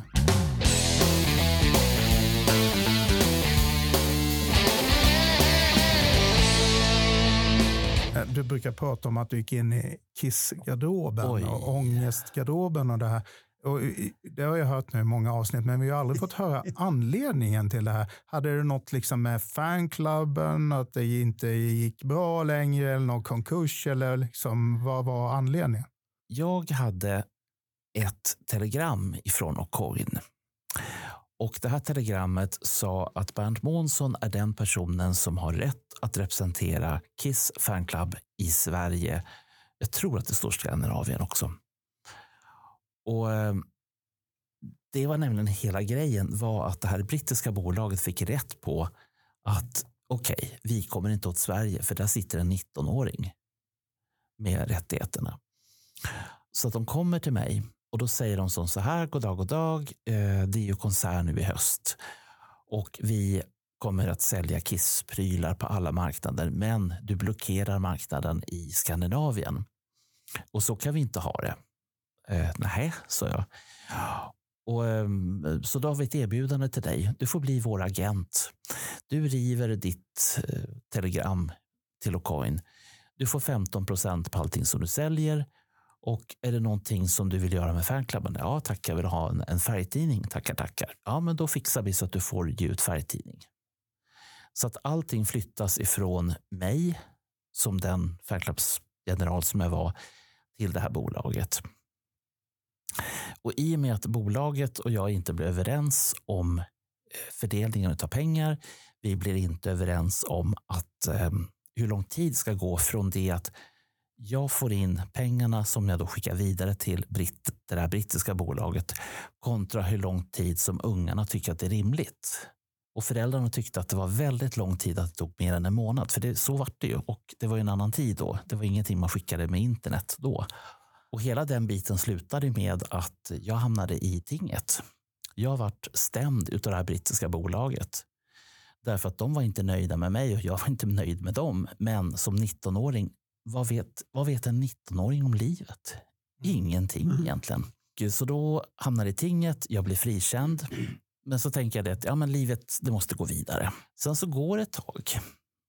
Och folk börjar höra av sig till mig och fråga, var är fanclubstidningarna? Eh, det får du prata med de här brittiska, den här brittiska firman om. Ja, men vi har ju faktiskt gjort en deal med dig. Eh, du är skyldig oss medlemstidningar. Jaha, okej. Okay. Så att då startar jag Kiss Fan Center. Men jag kan inte säga att det är jag, därför att det är ju de här britterna som har rätten till det här. Och så samtidigt parallellt så finns det ett antal andra killar som blir utnyttjade utav de här britterna. Eh, jag kommer inte ihåg vilka de var och det är sak samma för det, jag tycker bara att hela den historien är fruktansvärt jobbig. Eh, och jag vet då när, när jag träffade Kiss i Bryssel 1983. Det första som jag gjorde det var att jag jag gick raka spåret till bandet och sa jag måste be om ursäkt för någonting som har hänt. Jaha, vad är det, säger Paul. Eh, och så berättade jag den här historien. Och så sa, säger eh, Paul, är det Bertie Product Limited, vad fan heter de? Paul Bertie Product Limited, eller något i den stilen. Eh, ja, det är de. That smash and grab company. Don't you think a, don't you think a minute more about that? Though are, they are real och så var det en svordom. Um, och då tänkte jag det, ja men då kanske jag orkar. Men det gjorde jag inte. Jag orkade kanske ett år och en tre, fyra medlemstidningar till. Och sen kände jag bara det att nej, fy fan. Det, det var liksom bara svart. Det var bara elände och de här Bertie-historien, den liksom bara låg där och malde i mitt huvud. 84 då, då tog jag ett, beslut i samband med att jag flyttade från Södertälje som jag bodde i då. Eh, jag träffade en tjej, en fantastisk tjej och vi flyttade tillbaka till Stockholm. Och jag bara kände att nu lägger jag det här bakom mig. Jag vill inte ha någonting med något att göra. Jag vill aldrig mer känna ångest i någon form. Eh, så varenda gång som det kom ut en ny Kiss-skiva, varenda gång det hände någonting kring bandet, så bara kände jag en, en otrolig svärta och en, en obehaglighet som, som bara svepte över mig. Eh, och till slut Eh, så hade jag ju liksom glömt bort att jag var inne i den här garderoben och stängt och kastat nyckeln. Och då är det några grabbar som hör av sig. Det här är 2016 och det är eh, tre stycken pojkar som har en liten vlogg som heter Destroyer Alive. Och en viss Alexander Johansson får i uppdrag att ringa mig. Och jag säger det att nej, eh, jag är inte ett dugg intresserad. Jag har ingenting att säga. Jag kommer inte ihåg någonting överhuvudtaget. Jag, jag är inte intresserad. Alexander Johansson ringer tillbaka. Det är en gång, inte två gånger, utan tre gånger. Tredje gången så säger jag, men eh, lyssna på vad jag säger nu. Jag kommer inte ihåg någonting och jag tycker att det här är jättejobbigt. Så att, eh, nej tack. Ehm, men Alexander ger sig inte. Utan han säger att det här är ju din chans att få berätta vad du har varit med om. Det här är din chans att få berätta om saker som ingen annan kan berätta. Jag kanske kan få ur mig till en kvart åtminstone. Två och en halv timme senare så är den vloggen klar. Det fanns mycket mer att, att prata om som vi inte hann med. Och sen så ringer det några grabbar ifrån en, eh, ett, en Kiss Convention i eh, Trollhättan. Eh, och jag säger nej. För jag tycker, nu har jag gjort mitt. Men eh, de står på sig och så säger de att jo, vi skulle vilja liksom träffa alla gamla fanclubsgeneraler och den nuvarande. Vad fan, jag har inget att säga. Och jag bara känner det att träffa en, en hel convention med arga Kiss-fans som bara vill slå mig. Det funkar inte. Men det trodde ju bara du i ditt huvud. För mig då som var med i, din Ja. fanclub och, och ringde den här telefonsvararen om och om, om igen. Du är ju en hjälte för mig. Liksom. Ja. Men det fattar ju inte du. Du, du, du var inne i din ångest och, där, Ja, och det ja. är ju kanske man skapar sig själv. Men jag, tror, jag har svårt att tänka mig att något Kiss-fan eller någon medlem kände att oh, jag får inte min tidning, det har hänt något konstigt. här." Alltså bara på den tiden att det fanns en telefonsvarare att ringa till. Att man fick kanske medlemstidningen och med nyheter, något blad. Liksom. Det var ju att det bara fanns en fanclub. Liksom. Det var ju häftigt, otroligt häftigt. Så stort tack för det. Varsågod. Men historien inte slut där. Utan då är det ett slags podiesamtal som eh, Alex Bergdahl har med Johan Kihlberg, Niklas och med mig själv. Det skulle ha varit en till, men jag vet inte vem det var. Som, Stefan Lundström. så var det det var. Eh, och då var det ju samma sak där, att jag hade inte så mycket att säga, tyckte jag. Det var jag som pratade mest. Eh, Johan hade jättefina grejer som han berättade om. Eh, sån favorithistoria som jag har med Ace Frehley, Ketchup. Och det, det här konferensrummet var ju, det var ju smäckfyllt med folk. Jag tänkte bara att jag pallar inte liksom att se de här i ögonen och liksom skämmas så här långt efteråt. Så att jag vet också att jag, jag kommer inte ihåg om jag ställde mig upp eller om jag bara tänkte att jag gjorde det. Och jag bad alla om ursäkt för allting som jag inte har gjort. Vilket fick den här gruppen av människor att bli jätteförvirrade. För de hade ju inte fattat det här. Utan precis som du säger, så här, allt det här var ju mitt huvud och har varit i mitt huvud i 35 jävla år. Ja. Ehm, och efter det här, de människorna som jag träffade och deras kärlek och deras engagemang och ta sig tid att prata med en gammal farbror som då gav mycket av sin ungdom på det här. Jag är, jag är så oerhört tacksam. Jag är så rörd. Och ni som lyssnar på det här, som var där, ni vet, ni vet hur mycket jag älskar er allihopa. Och jag är så tacksam för den tid som ni gav mig och den kärlek som ni gav mig i Trollhättan det här året. Jag är så tacksam. Tack alla Kiss-fans för er kärlek. Känns det bra nu? Ja. Det ser ut så på dig i alla fall. Det, det var ju tur att du kom ut ur den där garderoben. Ja. Ja, ja, det var ju verkligen tur. Ja, Annars Så- hade vi inte suttit här idag. Nej, tänk på allt du har gjort efter det. Ja, Ja. men det är ju kärlek tillbaka. Det är vad det handlar Ja. om. Att kunna ge kärlek och kunna ta emot kärlek. Och framför allt som du beskrev också med så här, få skiten ur huvudet som inte ens Mm. bor där. Den betalar ingen hyra, den där ångesten Ja. för att bo där. Eh, men jag är, jag är tacksam för väldigt mycket annat också. Jag är tacksam till exempel till, till Car Jam som inte spelade på sin releasefest som gjorde att jag lärde känna Marco mycket bättre. Vi hade tid att börja fundera på ett projekt som vi hade haft var och en på sitt håll. Det är jag jättetacksam för. Jag är oerhört tacksam och kärleksfull och ja, jag hittar inte ord. Tänk om de hade spelat på sin releasefest. Då hade inte Messiah varit här. Du hade inte varit här Marco. Jag hade inte heller varit här. Det vet vi ju inte. Det hade nog blivit ändå. Tror jag.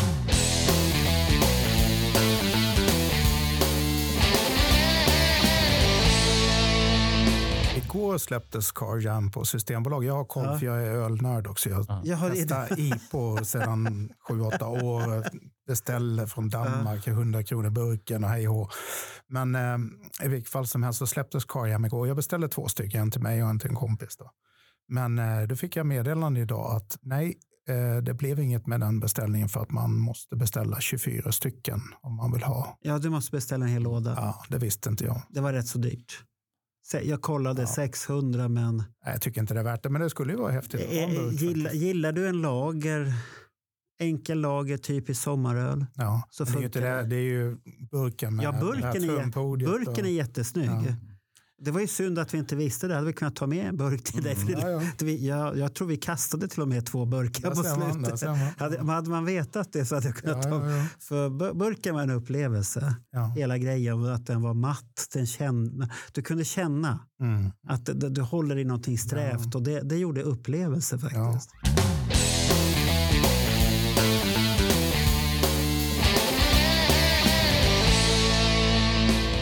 Och min sista fråga är väl, Marco, har du träffat Kiss liksom när de har sminket och, och Ja, i nutid. kostym?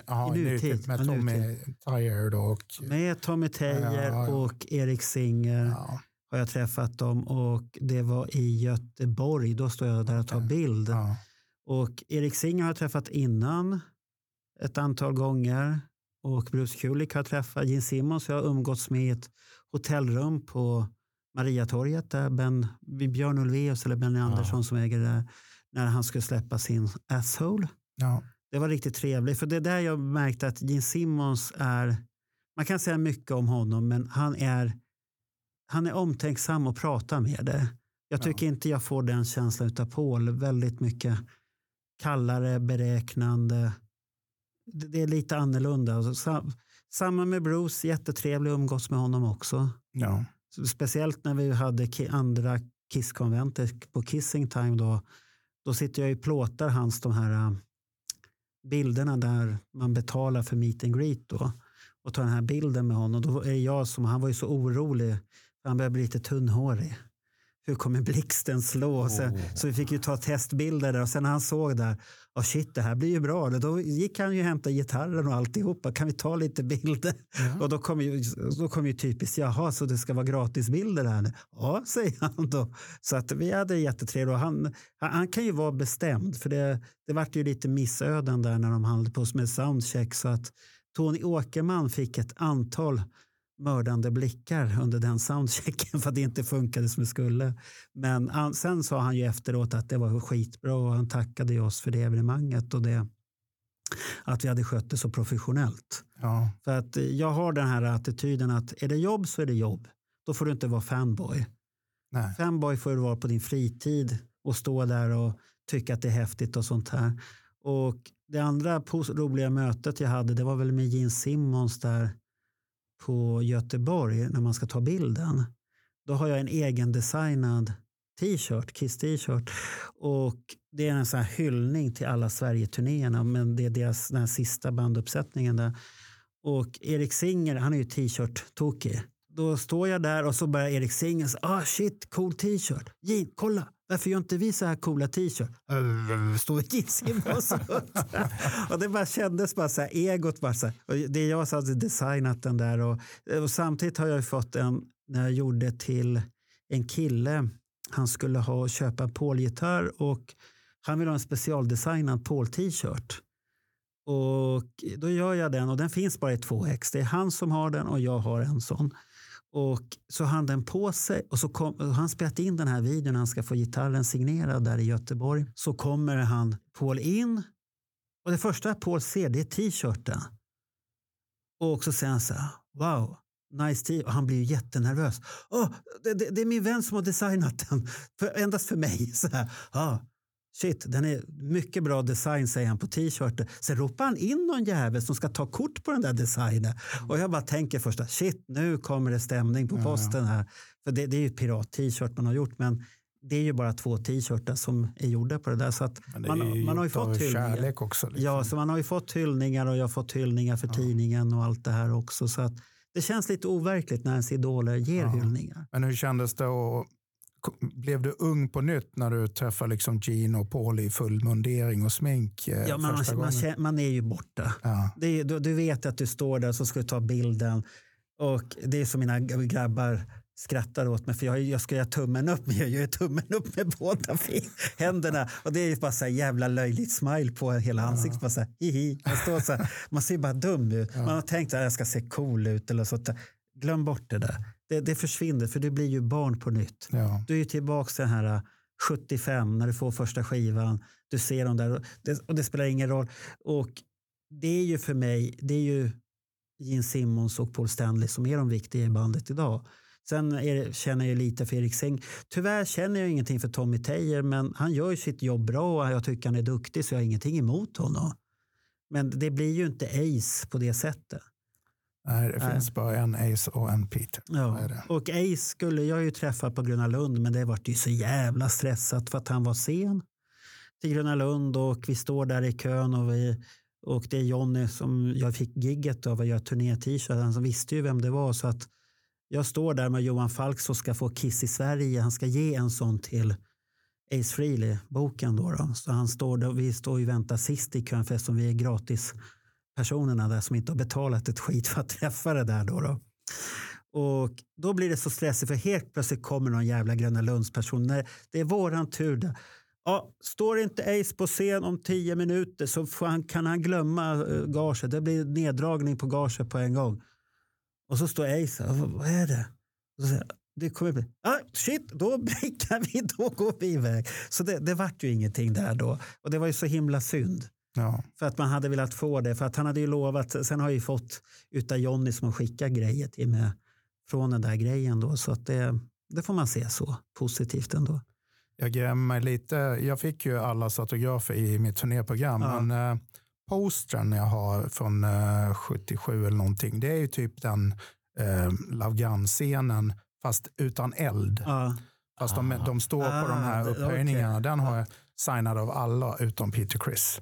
nej. Eh, så det, han var ju så rädd när du? den men- galningen men- kom in springande. Men det liksom. är originalmedlemmarna, det är inte alla Ja, andra. det är original. Ja, bara originalmedlemmar. Det saknas bara Peter på den. Ja, det, Ja, det ja. blir nog svårt att få det nu. Ja, du får nog åka till USA Men, på eh, hans evenemang där nog. något och hans middagar som han har Jaha, där. han middagar? han har middagar för speciellt inbjudna så här. Och de är lite dyra på det sättet då. Så att det, Nej, men du får ju en autograf till Peter Criss för 80 dollar. Ja. Eller så får du göra som han Tony Rosenholm då gjorde den här eh, cancergrejen då som han fick ju hyllad och fick ju träffa och Ja. umgås där. Eller så är det bara häng, röra upp och man får vara glad för tre Ja, i alla man, man får vara glad för Ja, det man har ja. fått. Jag, jag har själv en rock'n'roll over med originalgubbarnas Ja, autografer på. jag brukar själv nu göra, eh, när jag fyller år varje eh, vad heter det, december, 10 Ja. december, så har jag en, eh, fixat då på Bishops Arms i Sundbyberg. brukar jag festa eh, och Jaha. bjuda in vänner på Facebook.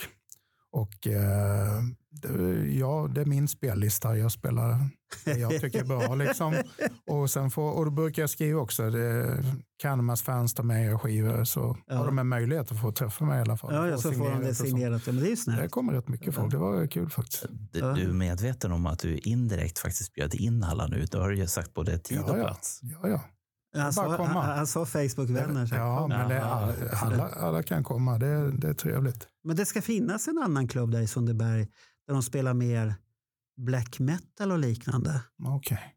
Det vet inte jag riktigt, för det är min son som han är nog inne mer på din musik. Han, han lyssnar säkert på Candlemass. Det är ju ingen eh, rockpub, men det blir Nej. det när jag har mina Det, det blir det. födelsedagsfester. Nej, för det Bishop Orms är ju inte det, det vet Då jag. kör jag jättetunga låtar, Ja, ja. men det är bra grejer. Så att, Ja. Nej, nu tycker jag att vi har pratat tillräckligt länge så att vi får återkomma om du har någonting annat och nå- någon annan gång att berätta. ja, man vet ju aldrig. Nej, det vet man aldrig vad som händer och sånt här. Och, så nu tackar vi för det. Vad, vad tycker du Bernt? F- Är du starstruck fortfarande eller har du gått över nu och tycker att Messiah är en, han är en vanlig person, trevlig och glad person? Det är klart att han är en vanlig och trevlig person. Herregud. Men Också, också Monstermunk ska vi inte glömma. eh, om man nu skulle se någon av de artister som har varit här på scen, då tänker man att de är ju jätteläskiga. Och så sitter de här som små kattungar och är världens finaste. Så att, tack Messiah. Det, det, det var jag. Tack själva. Jag har Ja. lyssnat på alla era avsnitt och kommer att fortsätta göra så. Ja, det, det, du, nu är du ju med så nu är du tvungen att lyssna på vad du själv säger så att du, du kan backa upp det här sen. Ja, det, så var det. Så att vi tackar Ja, och tack för ett jättetrevligt trevligt. samtal. Ja, detsamma. Mycket Ja. trevligt.